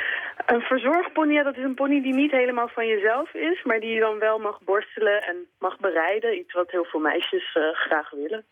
En waarom zou je een verzorgpony die je dan ter beschikking hebt om, om je borsteldrift op eh, uit te leven, mee de trein innemen? Ja, ik denk omdat, omdat ze hem toch niet kon weerstaan. Dat ze zoiets had van, ik wil dat paard voor altijd bij mij hebben. En eh, dacht, ik, ik neem hem gewoon mee. En het paard vond het niet zo leuk in de trein, want die heeft de hele coupé ondergescheten. Oké, mag dat eigenlijk? Mag je een paard mee in een, een trein Nee, innemen? natuurlijk niet. Dat mag absoluut niet. Maar een hond mag wel, toch? Ja, ja, ja, ja, dan komen we bij die discussie. Wat, eh, wanneer stopt het? En hoe groot mag de hond zijn? En hoe klein mag het paardje zijn? Maar, maar zou het echt, echt ergens staan? Het is niet toegestaan paarden mee de trein in te nemen? Of, of is Ja, het ik gewoon improviseren voor die conducteur? Van nou, Ik, dit... ik heb geen idee. Ik Nou heb ja, geen idee. Ik hoop dat het een mooi verhaal heeft opgeleverd. Nou, nou ja, dit is Oh. niet het verhaal, want dit, is, dit was al zo idioot dat ik dacht, hier kan ik geen verhaal over schrijven. Nee, dat snap ik. Waar, waar ik over heb geschreven is een eh, stuk wat vandaag in Trouw stond. Waanzinnig mooi stuk over twee Afghaanse vrouwen die eh, aan een eh, ultramarathon gaan meedoen in China. En daar gaat mijn verhaal over. Ik ben benieuwd. Zaina zat tegenover haar oom in zijn studeerkamer. Af en toe durfde te spieken naar de wereldbol op zijn bureau. bureau. Maandenlang heeft ze getraind om morgen mee te lopen met de ultramarathon in de Gobi-woestijn in China. Zes dagen, totaal 250 kilometer. Samen met haar vriendin Nelofar renden ze buiten de stadsgrenzen van Mazar-i Sharif in Afghanistan om niet lastig gevallen te worden door mannen. Wie heeft altijd het beste met je voor? vraagt haar oom. Op wie kun je altijd vertrouwen? Zainab is even stil voor ze antwoordt. Op mezelf. Haar oom schudt zijn hoofd en staat op van zijn stoel. Nee, op je familie. Die weten wat goed voor je is. Zelfs wanneer je dat zelf uit het oog bent verloren. Zainab duwt een plukje haar dat ze vanuit haar ooghoek ziet terug onder haar hoofddoek. Een vrouw is als een bloem, vervolgde haar oom. Een lelie verwelkt in de goot, een roos verbrandt in de woestijn. Een bloem moet verzorgd worden om te groeien in zijn volle schoonheid. Met haar nagels kerft ze in de houten leuning van de fauteuil. Het had geen zin iets terug te zeggen. Zainab dacht aan morgen. Ze hoopte dat ze in de woestijn een cactus zou zien... met zo'n overdreven roze bloem aan de top. Dat Een mooi het. verhaal. Ja, ja nou, het, het treedt me echt aan, het stuk in de, in de trouw. Pracht, prachtig eh, stuk op de, op de verdiepingpagina over dus die twee vrouwen die het aandurven om in een wereld waar iedereen echt tegen hun zegt, doe dit niet, dit is niet iets wat meisjes horen te doen. En zij doen het. Ja, dat, dat gebeurt toch wel vaker? Dat, dat mensen iets doen waarvan iedereen zegt: doe het nou niet. Ja, maar als het toch vindt dat elke keer dat dat gebeurt, dan moet je dat aanmoedigen. Dit is, eh, ja, dit is, dit is een, een, een daad van kracht. Het waanzinnig. Ze rennen echt voor een betere toekomst van hun eigen land. Dat is waanzinnig.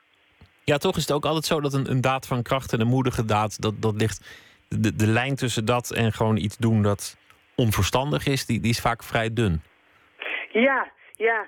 Ja je, in, in dit geval kon ik me toch slecht inleven, of, of ik probeerde het wel, in de kant van, eh, van hun familie en hun vrienden. Die echt allemaal stuk voor stuk zeiden, dit is gewoon niet iets, eh, iets wat goed is voor vrouwen om te doen. Dan denk ik toch, ja, wat, wat, wat is dat? Waarom zou je niet iets mogen doen wat je zelf wil doen?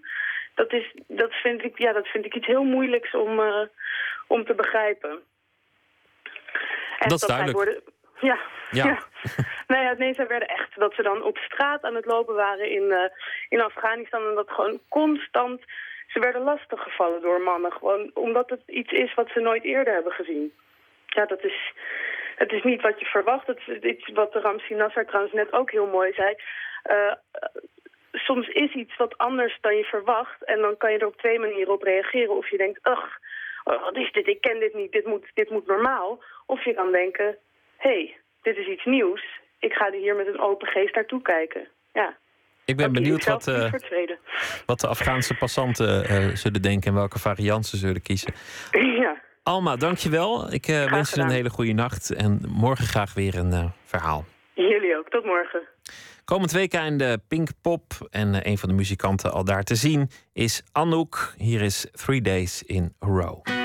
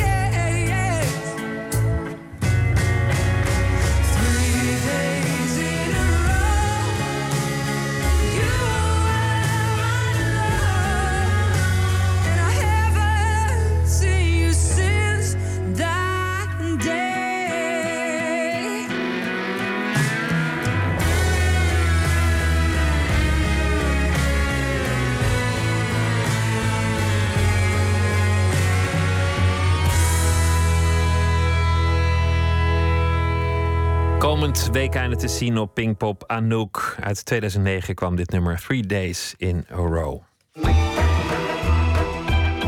Nooit meer slapen. Sommige auto's worden in de loop van hun bestaan een waar fenomeen. De Porsche 911 is zo'n auto. De Duitse filosoof en adjunct hoofdredacteur van Die Welt, Ulf Poschardt, schreef een boek met heel veel tekst en toch verdacht weinig plaatjes over die auto. Hij heeft het daarin over de geschiedenis van de familie Porsche, over de techniek, over het ontwerp, maar toch vooral over het karakter van de ware Porsche-rijder.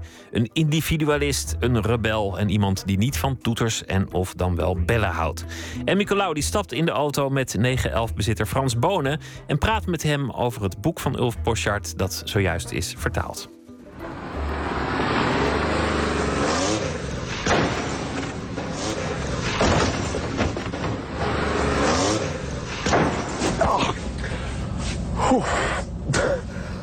That hurt. Jeremy Clarkson, de inmiddels ontslagen presentator van het immens populaire autoprogramma Top Gear, haat de Porsche 911. Of hij doet in ieder geval op zijn bekende manier alsof. Some people say this is a supercar, but it isn't, you know. Je hoort hem een Porsche beschieten, tegen een muur aanrijden en van grote hoogte op een caravan gevuld met gas laten vallen. Die Porsche die overleeft zowat alles. Het zijn dit soort dingen die nog steeds bijdragen aan de mythe van die auto uit 1963. Een auto die ergens in het boek van Ulf Poschardt beschreven wordt als ware zij een vrouw. Met rondingen, een strakke kont en een decolleté dat zelfs autohaters doet smelten. Frans Bonen, eigenaar van een winkel in luxe schoenen en herenkleding, heeft zo'n auto. Hoi, goedemiddag. Het is wel makkelijk afspreken met jou, want eh, je auto is in ieder geval zo gevonden. Die is herkenbaar, dat is het voordeel. En eh, nou, op zo'n plein eh, sta ik niet alleen. Je kan ermee verhuizen met je auto. Wat zeg je dan? Je kan ermee verhuizen zelf als je wil. Als je heel weinig spullen hebt.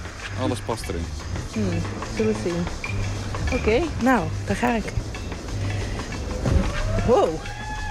Voor de gewone middenklasse rijder is het even wennen bij het instappen. Maar die diepe stoelen met zachte lederen bekleding voelen weldadig aan.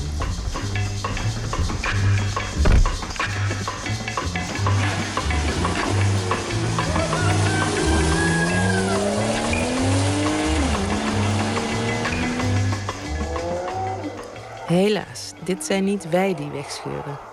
Want je kan dan wel een snelle auto hebben, maar in Den Haag en omgeving rijden we net zo stapvoets als al die normale mensen in hun normale auto's.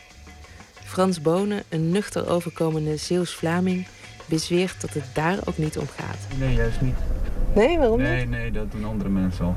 Dat, eh ik kreeg keurig netjes 100 en eh, 120. En waar ik 130 mag, reed ik nog 120. Hij rijdt in een nieuwe Porsche.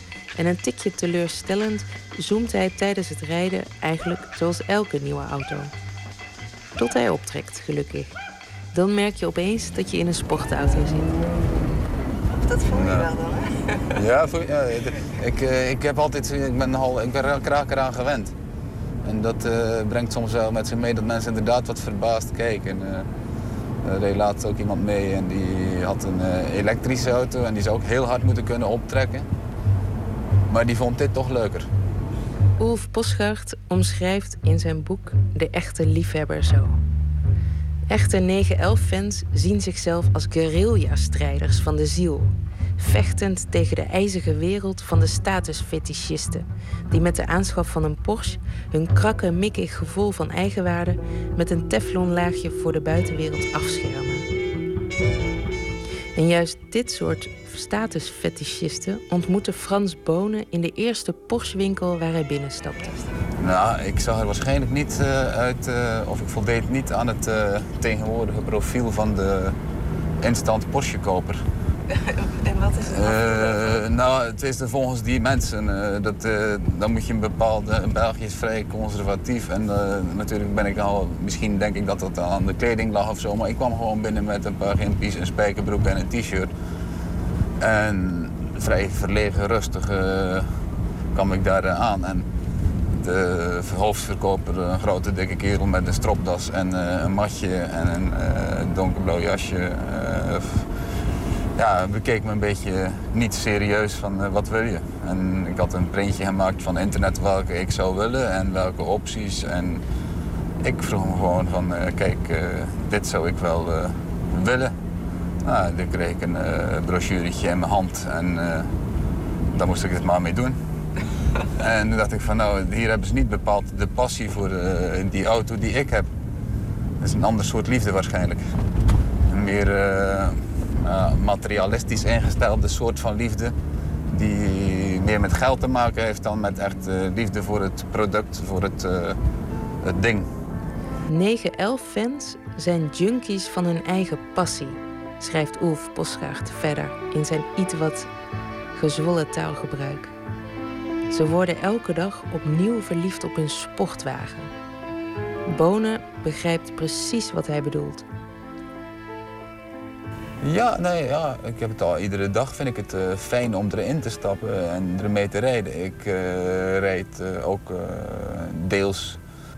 De laatste eh, jaren woon ik heel dicht bij de zaak. Dan vind ik het zonde om eh, eigenlijk de motor eh, koud te laten. Dus dan rijd ik meestal met het middenklassetje. En dan, als ik dan wat verder moet, dan neem ik deze. En soms zorg ik gewoon dat ik verder moet, ook al moet ik niet verder. Dan ga ik gewoon met een omweg naar de zaak toe. Ja? Dan, dan wil ik toch gewoon eventjes even praten met hem, zeg maar. Ik weet niet of het een zij of een hij is eh, in dit geval, die auto. Dat eh zit ik ook wel eens over te denken. Is het nou eh, een, moet je het vrouwelijk noemen of is het een mannelijk iets? In het eerste hoofdstuk van zijn boek raadpleegt Ulf Posgaard een psychoanalyticus. Hij vraagt hem waar hij als Porsche-liefhebber in psychodynamische zin mee moet afrekenen. Er moet immers wel iets raars met je zijn als je verliefd bent op een auto. Ook weer toen ik dat eh, boekje aan het lezen was, was ik daar zelf aan het, eh, over aan het nadenken. Eh, inderdaad, is het een soort. ben ik vroeger veel gepest? was ik een zielig jongetje? Of. nou, eigenlijk allemaal niet zo ernstig. Het ging allemaal vrij goed en het was allemaal vrij normaal. Ik had gewoon hele aardige vriendjes waarmee ik nog contact heb. En dat was het dus niet eigenlijk. Maar wat Ja. is het dan wel? Ja, dat, daar ben ik dus ook over gaan nadenken. Ik weet het niet. Ik weet het echt niet. Ik, eh, ik kan er geen eh, geldige reden of één legitieme reden voor vinden, eh, moest ik die reden legitiem moeten vinden. Maar het is gewoon iets wat je wil meemaken of wat je wil voelen. Het, zeg maar, dat handschoengevoel weer. Het, het is niks kwaadaardigs. De sportwagen zelf wordt tot lustobject waarmee we niet alleen onszelf, maar ook de anderen tot opwinding brengen. En het heerlijkste bij dat alles is natuurlijk nog de afgunst. Ik eh, moest laatst door een eh, straatje rijden en dan, ik rijd meestal met de ramen open en mijn dakje open, omdat ik dat heel fijn vind. Eh, net als waar we nou reizen, maar tussen de bomen, dan hoor je nog eens een vogeltje of je bent gewoon, je hebt contact met de buitenwereld wat. En dan hoorde ik een man zeggen, jammer dat hij niet betaald is. En toen dacht ik bij mezelf, meneer, eh, hoe redeneer je? Hoe denk je? Waarom zeg je zoiets? Eh, en nou, dat is afgrond, afgunst. Dus, en ik vond het niet echt zo'n fijne opmerking. Ik bedoel maar, ik, eh, ik heb enkele jaren achter elkaar eh, 90 tot 100 uur gewerkt per week. Jaren aan een stuk. En uiteindelijk heb ik dan die auto, eh, tenminste die auto, die is van mij. Die is betaald. Ik hoef daar verder aan niemand verantwoording over af te leggen. En zo iemand oordeelt dan direct. En dat is eh, de afgunst, eh, die dan ook nog eventjes verbaal duidelijk gemaakt wordt. En daar word ik zelfs een beetje verdrietig van. Dan denk ik bij mezelf van, joh, ga zelf lekker werken. Want je loopt hier zelf een beetje te slenteren met je uh, lompe lijf. Het intens houden van luxe artikelen en van mooie auto's. Het lijkt iets om op neer te kijken. Maar Ulf Bosgaard maakt al in de eerste pagina's korte metten met dat idee. Van doe maar normaal, dan doe je al gek genoeg. Want waarom zou je ook eigenlijk normaal doen? Als je dus uh, een bepaalde sociale status hebt, dan zou je dit niet mogen doen, bijvoorbeeld. Nou, waarom niet? Je, je leeft maar één keer.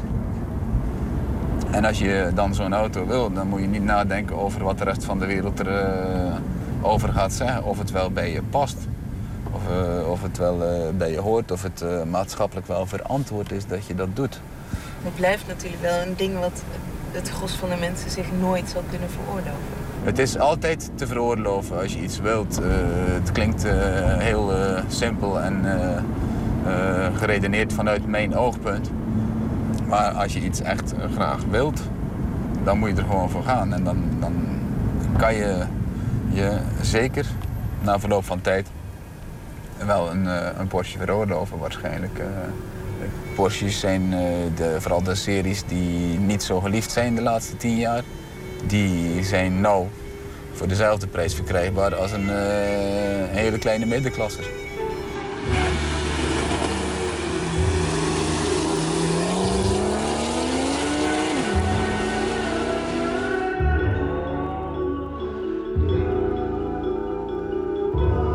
Het uh, mooie geluid van een 911. De 911 van Frans Bonen was dat. En Nicolaus was met hem in gesprek. Het boek 911 van Ulf Poschardt is naar het Nederlands vertaald en uh, vanaf heden verkrijgbaar. Hij was ooit producer. Hij maakte ook veel muziek voor uh, onder andere Werner Herzog. Speelde in meerdere bands, waaronder Sonic Youth. Jim O'Rourke heb ik het over. Hij heeft ook weer een soloalbum uit, Simple Songs, waarvan gedraaid wordt These Hands. This hand of mine has a mind of its own. It's been places I don't know.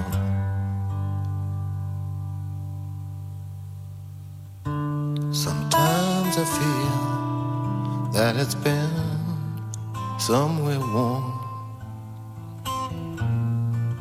somewhere that I wouldn't go.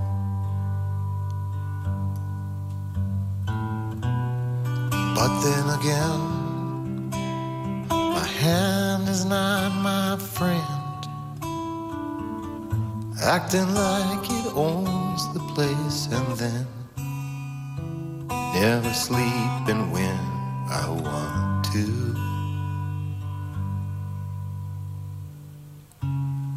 Always have somewhere to go to.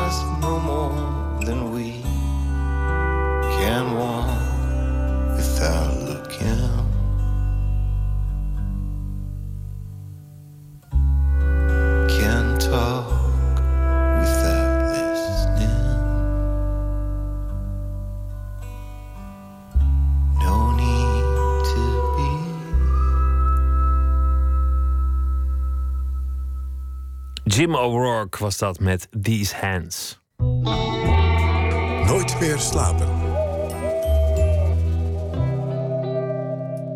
Computergigant Apple kondigde gisteren aan te beginnen met ook radio. Beats moet het gaan heten. Ze starten ook een streaming muziekdienst en dus ook het radiostation. Ze hebben al eerder eh, laten zien dat ze in staat zijn om menige markt op te schudden. Botte Jellema is nachtcorrespondent en vraagt zich af: wordt Apples radio een eh, gamechanger voor de traditionele radio? Botte, wat, eh, wat gaat er allemaal gebeuren? Nou ja, eh, ze gaan in. eigenlijk, als je het helemaal afkrapt, wat er nou precies aan, aan mooie dingen is gepresenteerd, dan kom je bij een streaming muziekdienst uit. Een beetje zoals Spotify. Die kennen we natuurlijk vrij goed. Het is een vrij grote, vooral hier in Nederland. Ehm, er zijn ook meer van. Er is onlangs bijvoorbeeld Tidal bijgekomen. En in de VS is Pandora redelijk groot. Er zijn nogal wat. Wereldwijd heb je zo'n 40 miljoen mensen die een abonnement hebben op een streaming muziekdienst. En Apple denkt dat die markt nog lang niet verzadigd is. En eh, nou ja, luister maar eventjes hoe dat gisteren werd aangekondigd. Let's build the first ever worldwide live radio station broadcast from three cities that plays music not based on research, not based on genre, not based on drum beats, only music that is great and feels great.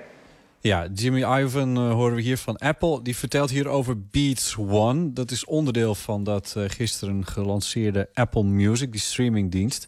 Nee, dat is dus eh, dat live radiostation, dat Beats One. En er zijn een paar niet-live radiostations. En die worden dan geprogrammeerd door DJ's. En dan natuurlijk eh, is uiteindelijk de bedoeling dat muziekliefhebbers dat abonnement van Apple nemen en daar dan 10 dollar per maand voor gaan betalen. En dan, ja, dan wordt het dus wel een directe concurrent voor die aloude radiostations die muziek draaien. Wat willen ze precies en waarom? Ja, nou, eh, Jimmy Iovine die legt dat eh, vandaag in The Guardian aan een verslaggever uit... dat ze artiesten vooral willen bevrijden van de mal... waarin ze hun muziek moeten gieten om het gedraaid te krijgen op de commerciële radiozenders. Nou, het, het, het blijft dus die streaming muziekdienst... maar eh, ze proberen dat zo aan te kleden dat het een fraai ja, de, fraaiste wordt, zullen we maar zeggen. Nou, dan krijg je dat verhaal erbij. Veel goede muziek, zo zegt hij, breekt niet door eh, die mal heen. En dat ontmoedigt een hoop goede artiesten. En met Apple Music hopen ze dat op te lossen. Dus heeft Apple een paar grote radio-dj's aangetrokken. And broadcasting every day is Apple's first 24 7 worldwide radio station. Live in over 100 countries, Beats One is anchored by Zane Lowe in LA. Beats One worldwide, always on. Ebro Darden in New York. New York City worldwide, this is Beats One. And me, Julie Adenuga, out of London. We cannot wait to play you guys some music we've got lined up. Some world exclusive. Ja, drie DJ's dus. Zijn Klinkt, Low, klinkt die- al prachtig meteen, toch? Ja, dat, klinkt natuurlijk al lekker, maar het klinkt ook weer niet heel anders dan wat we van radiostations eh, gewend zijn. Drie DJ's, station dat 24 uur per dag zal uitzenden vanuit drie steden: Londen, New York, Los Angeles. Maar dan de grote vraag: gaat dit de radiowereld zoals we die, nou ja, toch al zo'n 90 jaar kennen, volledig op zijn kop zetten? Nou ja, ik, eh, dat vroeg ik me dus ook af. En ik eh, heb dus even contact gezocht met eh, Wilbert Mutsaars. Dat is de zendermanager van eh, 3FM en Radio 6. En ik was benieuwd hoe hij over die aankondiging denkt. Ik vroeg hem om te beginnen even of hij niet bang zou zijn... dat ook zijn DJ's op termijn naar Apple overstappen. toch valt dat mee. Kijk, eh, nou, een simpel feit, even uit mijn hoofd, is dat Spotify het afgelopen jaar nog 386 miljoen euro verlies heeft gemaakt. dus ja, om nou in Nederland voor een stream, want dat is de feite dan wel, te gaan zeggen, nou dan gaan we allemaal eh, geweldige DJ's halen en eh, ja, ik denk dat dat, dat, dat nooit eh, rendabel te krijgen is. Want dan zou het echt een, eh, een marketingtool moeten zijn. Maar dat denk ik echt. Het is niet voor niks dat ze zeggen, joh, we beginnen in Amerika en Engeland. Ja, want dat zijn qua taal natuurlijk hele grote gebieden en daar kan je dat dan doen. Hier in Nederland kost dat gewoon te veel geld en levert het te weinig op, denkt Mutsaars. Ik denk nog niet dat het allemaal op zo'n vaart eh, zal lopen de komende jaren. Hoor. Dat, ik denk dat dat echt dan, eh, dat je dan meer eh, in een termijn van over vijf, zes, zeven, acht jaar moet gaan denken. En natuurlijk kunnen ze zeggen, ja, we gaan in Nederland een stream beginnen en we zetten daar één DJ op. Hè, zo kan je natuurlijk altijd beginnen. Feiten zoals we het nu ook doen. En dan zien we daarna wel. ja, dat kan ook. Dus misschien op lange termijn dat Apple met zijn radiostation hier in Nederland een aanval kan doen op de traditionele stations. Maar Wilbert Mutsaars die verwacht er nog geen spektakel van. Hij ziet het vooral als een hele slimme aanval op Spotify. Maar ik las vandaag, onder meer in The Guardian, dat Apple het juist gemunt heeft op radiostations. Niet op Spotify, maar wel degelijk op, op de radio. Ja, zo brengen ze het. Artiesten bevrijden van het keurslijf van die commerciële radiostations. Nou, de vraag is dus nu een beetje: is dit nou allemaal een marketingtruc eh, om eigenlijk alleen Spotify van de troon te stoten? Of menen ze het?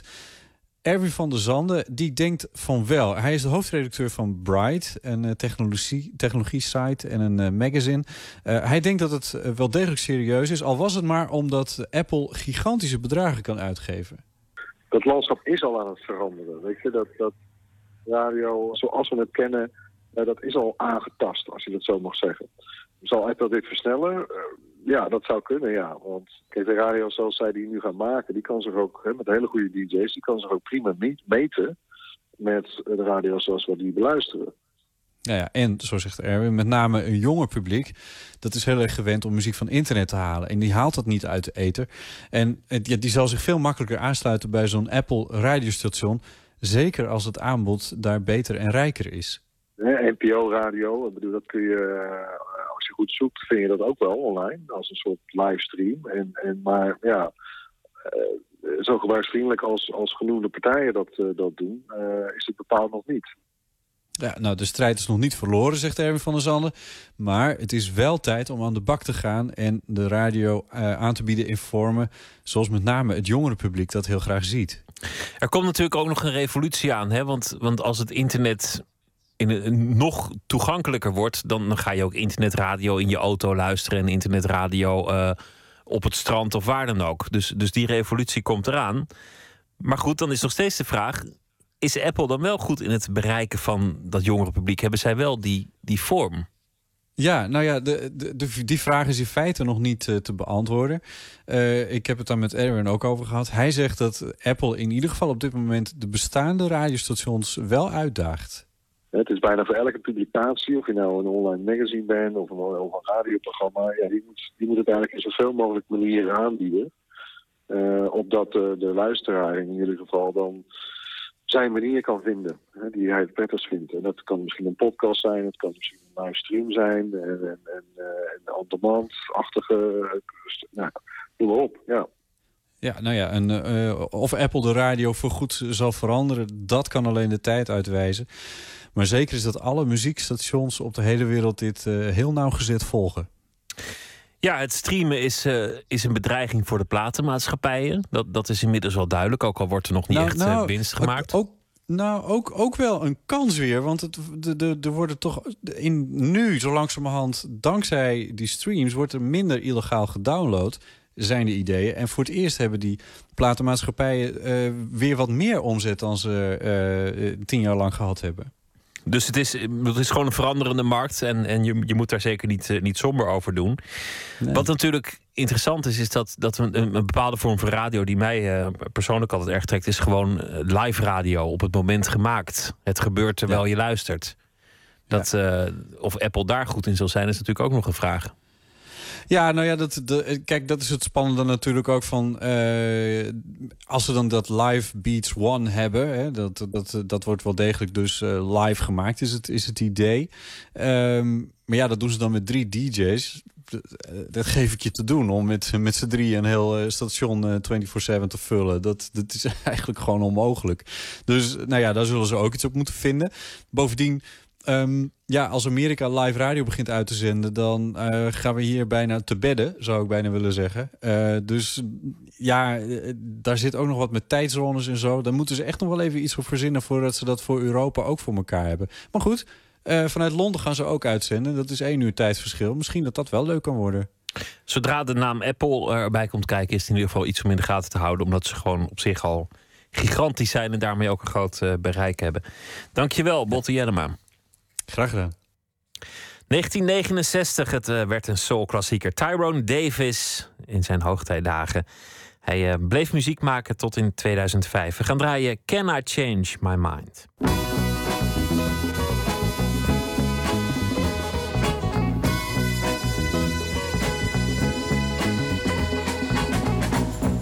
Oh, she didn't bat an eye. As she would start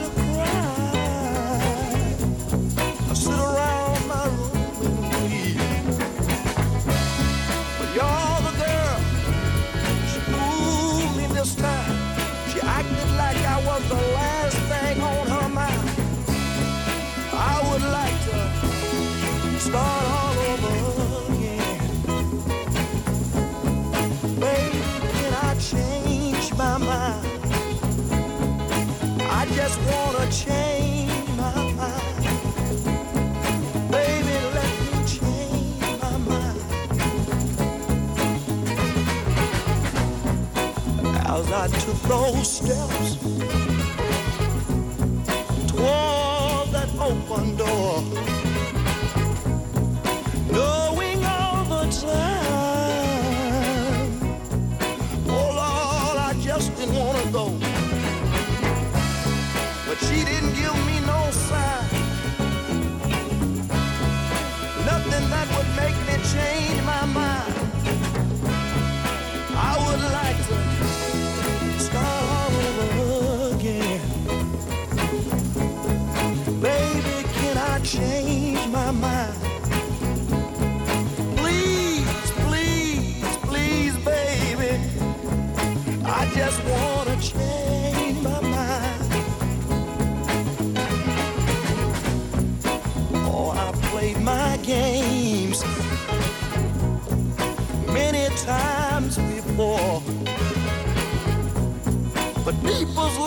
tell y'all.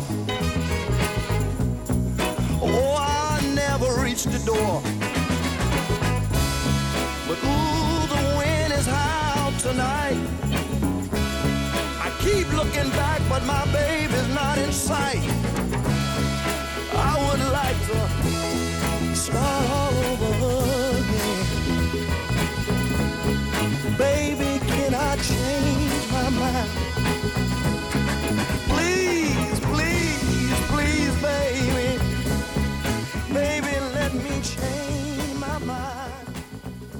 Tyrone Davis, Can I Change My Mind?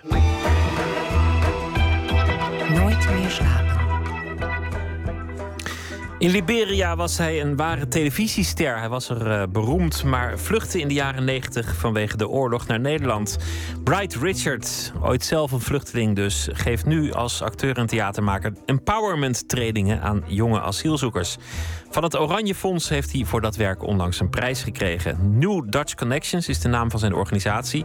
En daarmee maakt hij ook theatervoorstellingen met als doel Nederlanders met elkaar te verbinden.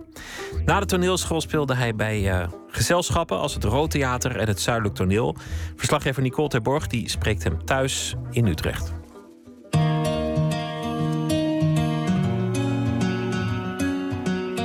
Dat vond ik een van de meest belangrijkste uitdagingen dat, toen ik hier kwam. Want hier moet je vechten, vechten tegen de onverschilligheid. Je kan vechten tegen armoede, tegen dictatuur. Maar vechten tegen onverschilligheid, tegen niet gezien worden, is het grootste.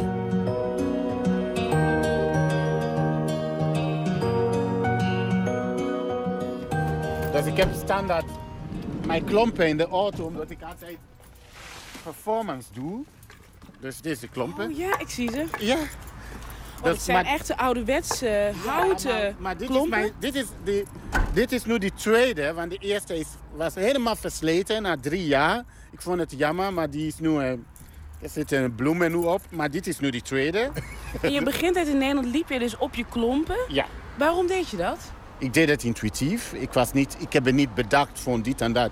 Ik deed het intuïtief, maar op een gegeven moment vond ik het, vond ik het echt leuk. Want ik merkte dat iedereen naar mij keek. Iedereen ging met mij praten. Dus Je kreeg de aandacht die je gewend was. ik kreeg de aandacht die ik gewend was. Buiten, met klompen aan, voor zijn witte Mercedes-bus, vertelt Bright over zijn leven. Over hoe het was voor en nadat hij moest vluchten naar Nederland.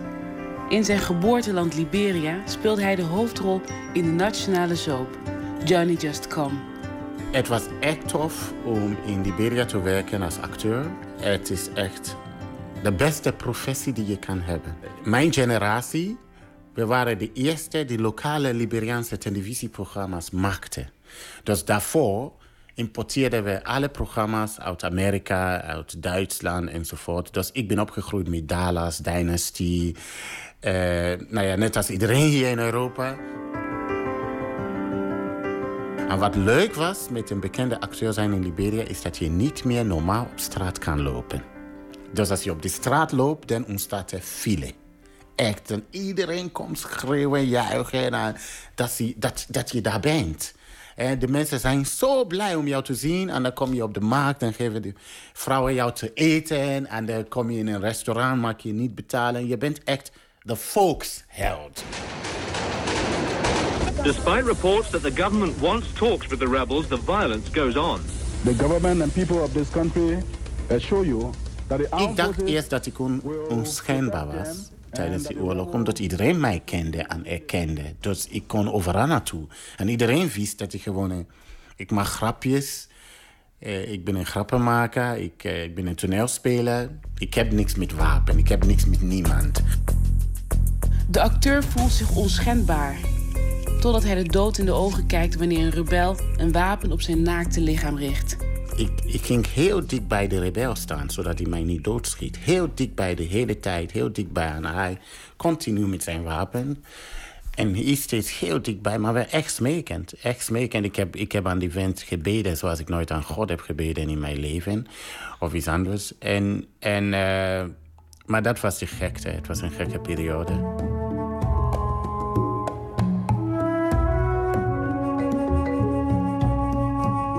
Oorlog neemt niets, niets, neemt geen schoonheid met zich mee. In oorlog neemt alleen maar lelijkheid mee. En daarom is het ook heel lastig om daarover te praten. Toen ik naar Nederland kwam, toen pas merkte ik dat ik moet vechten voor mijn plek, vechten om aandacht te krijgen. Terwijl van kinds af aan eh, had ik dat vanzelf, vanzelfsprekend. En toen ik hier kwam, en ook later op de toneelschool, dan merk je van je moet echt knokken voor je plaats. Knokken om gezien te worden.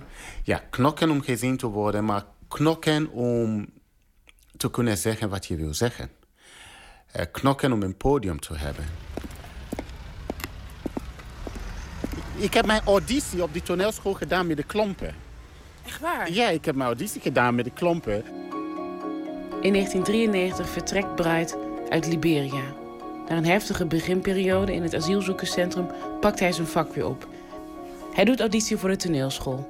Met tekst uit Gijsbrecht van Amstel. Dat gaat allemaal goed. Totdat ze hem vragen om een pijnlijke herinnering, om emoties op te roepen. Toneelspelen is ook een vluchten uit de werkelijkheid. Is ook een soort escapisme. En als je gewend bent om, zoals ik, eh, als, als je theater hebt leren maken, ook onder dictatuur en de rest, weet je heel subtiel je woorden en alles te zoeken om te vertellen wat je wil vertellen, zodat het publiek jou begrijpt, maar dat je niet opgepakt wordt. En nu ineens vragen dat ik emotie moet gaan delen, zonder het extreem te gaan filteren en zonder dat er een aanleiding voor was, was lastig. Maar op dat moment kwam een herinnering naar mij naar binnen. Eh, voor mijn zusje, die was gestorven in de oorlog. Ik ben gaan eten gaan zoeken. Eh, ik ben twee dagen eten gaan zoeken. Eh, dus toen ik vertrok had ze pijn in haar buik. En ze was aan het huilen. En toen ik terugkwam, eigenlijk twee dagen later, nog niet eens aan een half dag, was ze ja dood aan begraven. En na die toneelschool raakte ik in een diepe depressie. Het was net alsof alles wat ik heb geprobeerd te verstoppen of van te rennen, eh, over mij heen kwam. Ik denk dat ik eh, die depressie nooit zou kwijtraken.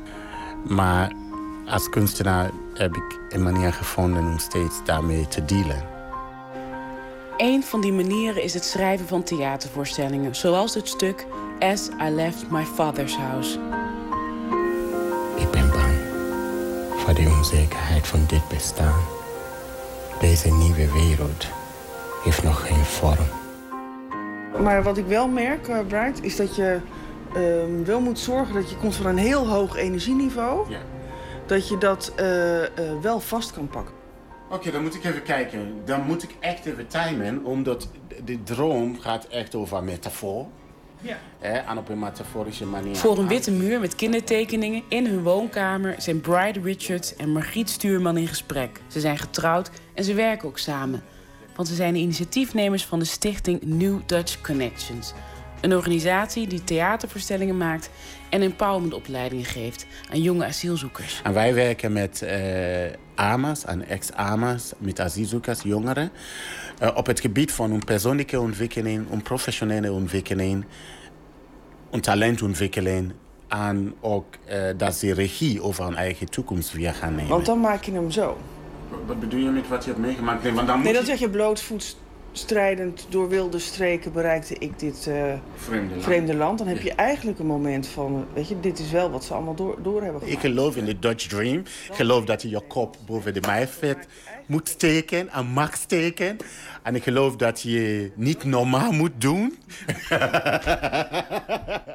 Eh, en ik geloof dat je kleur mag hebben. Je mag niet grijs zijn. Je moet kleur hebben. We hebben meer kleur nodig in de samenleving. Nou, en het is niet alleen, weet je, niet alleen dat je laat zien wie je bent, maar je kan je eigenlijk alleen maar ontwikkelen in relatie met anderen.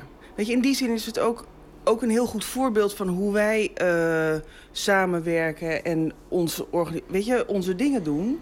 Is dat wij versterken elkaar gewoon heel erg. Bright is gewoon de ideeman en ik maak het waar. En zonder mij eh, eh, werkt het niet. Maar ik kan ook niet zonder Bright. Waarom voel jij de verantwoordelijkheid om deze nieuwe Nederlanders te helpen? Ik herken mijzelf in hun. Ik identificeer mijzelf met hun. Ik weet waar ze vandaan komen. En ik weet ook deels nu wat voor uitdagingen ze voor staan in deze samenleving. En wat voor inhoudrace ze moeten maken. Eh, want ze hebben een enorme afstand. Had ik ook. Heb ik nog steeds. Ehm, maar ze hebben ook een added value en ze nemen heel veel kracht met zich mee. En heel vaak, als mensen alleen maar kijken naar wat je niet kunt.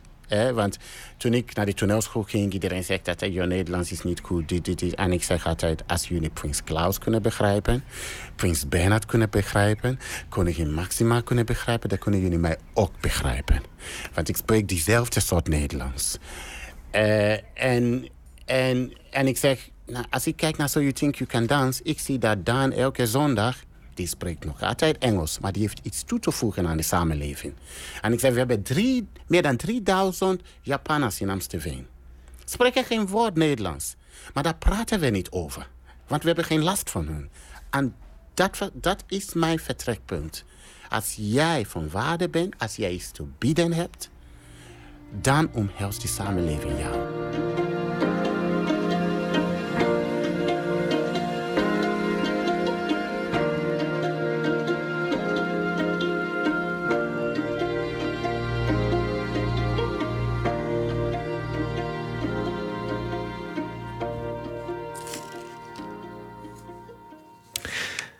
U hoorde een eh, reportage van Nicole Terborg in gesprek met acteur en trainer Bright Richards. Uit eh, de jaren 90. Toen was ze een van de leading ladies van de zogenaamde neo-soul, Angie Stone.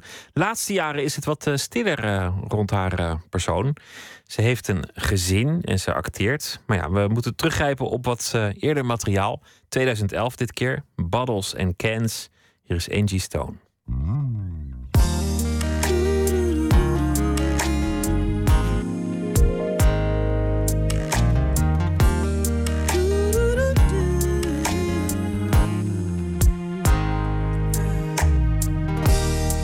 Everybody wants some type of success in life. Like every woman wants to one day be a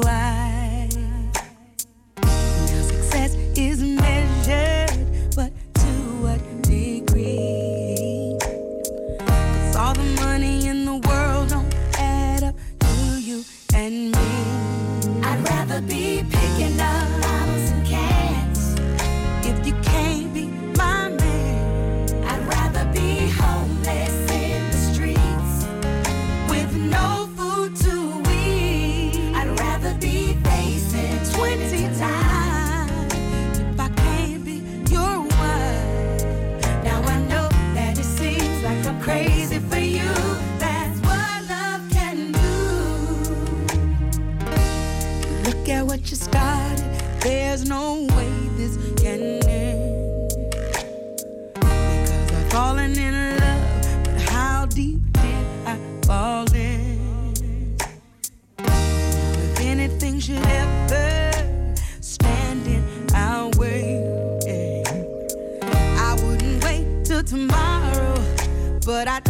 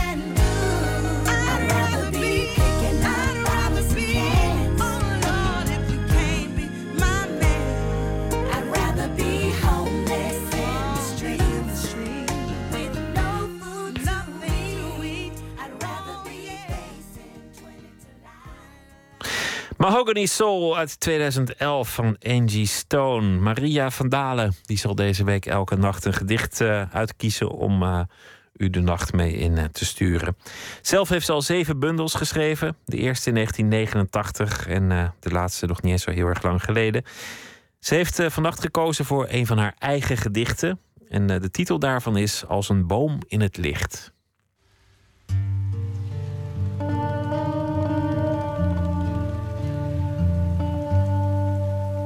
Vanavond lees ik een sonnet. Ik heb een heleboel sonnetten geschreven. Ik heb een eigen vorm ontwikkeld van elf lettergrepen per regel. En dan beweer ik dat het hetzelfde is als de beroemde, beruchte Italiaanse endecasillabo. En dan roepen mijn Italiaanse collega's dat ik er niets van begrepen heb. Dat is ook zo. Bovendien is Italiaans een Romaanse taal en Nederlands niet. Is een Germaanse taal. Kortom, het is een ander soort taal. Maar het is wel een sonnet. En het rijmt ook. En het heeft ook keurig veertien regels. Dit gedicht is geschreven bij een tekening van Drevens de Wit, een kunstenaar in Groningen. Maar het gedicht gaat in feite, of is geïnspireerd door de enorme emotie die ik had toen een hele goede vriend, een man van wie ik veel gehouden heb, een aantal jaar geleden overleed. Hij was al ziek, maar toen hij overleed was ik zo, ik was zo diep getroffen en geschokt en verdrietig. En toen kreeg ik tegelijkertijd die opdracht en ik dacht, je stond als een boom in het licht, dacht ik. En dan werd meteen de eerste regel. Dat was een regel voor hem. Als een boom in het licht. Je stond als een boom in het licht. Geluidloos zweefde een kikkerdief boven mijn schaduw. Een wit zeil ontplooide zich in de luwte. De steven draaide weg. Iets als een windhoos stond op uit het hooiland, tilde al het moois hoger nog, warrelend, feestelijk. Te schuw voor begroeting, vos, sloop op zijn buik door ruw gras. Een plank lag er, met spijkers, droog en voos hout. Het rook naar honing en hoog zomer, maar de bijen waren verdwenen. Hoe het kierde, de schuurdeur. De vuursalamander ontsnapte. Je naam. Mijn mond kent geen ander. Ik weet wanneer je vader heet. Een zoon bloed. Een lichaam kruiselings licht uitgespreid. Zomaar. Maria van Dalen las een van haar eigen gedichten. En uh, de titel daarvan was Als een boom in het licht. Haar uh, achtste bundel, dat wordt uh, Liefde eindeloos licht. En die wordt verwacht binnenkort, later dit jaar zal het zijn. Morgen zal ze weer een gedacht voor, gedicht voordragen in Nooit meer slapen. En dan is hier te gast Christian Borstlap. Hij is ontwerper van allerlei dingen. Hij werkt voor grote modemerken zoals Louis Vuitton. Hij maakt ook films, hij maakt tijdschriften. Illustrator bij het Wallpaper Magazine. Momenteel is hij heel druk bezig om in het Rijksmuseum een tentoonstelling in te richten met prenten van de jaren 1600 tot aan heden. De modeglossies van wel eer. Prachtige tekeningen die iets laten zien over de geschiedenis van de mode, maar ook iets over de geschiedenis van het tijdschrift Avant la Lettre. Een mooie tentoonstelling en Christian Borslap die uh, zal hier te gast zijn. Verder gaan we het hebben over iets dat in het Torpedo Theater in Amsterdam wordt gedaan. Avond van de Ezel. Wie ooit aan het einde van een lome maand een ezel heeft horen balken in de verte, die weet het leed der wereld, hoe ver dat kan dragen. Het is een verkenning van de plaats van de ezel in onze cultuur en in onze gewoonte en cultuur. Met onder meer Assis Aynan. Daar gaan we morgen dus ook uh, aandacht aan besteden in Nooit meer slapen. Voor nu wens ik u een uh, prachtige nacht en morgen alvast een hele leuke dag. En ik hoop dat u morgen weer zult luisteren. En zometeen kunt u luisteren naar de collega's van WNL met het programma Nog Steeds Wakker. Wens ik u een hele mooie nacht.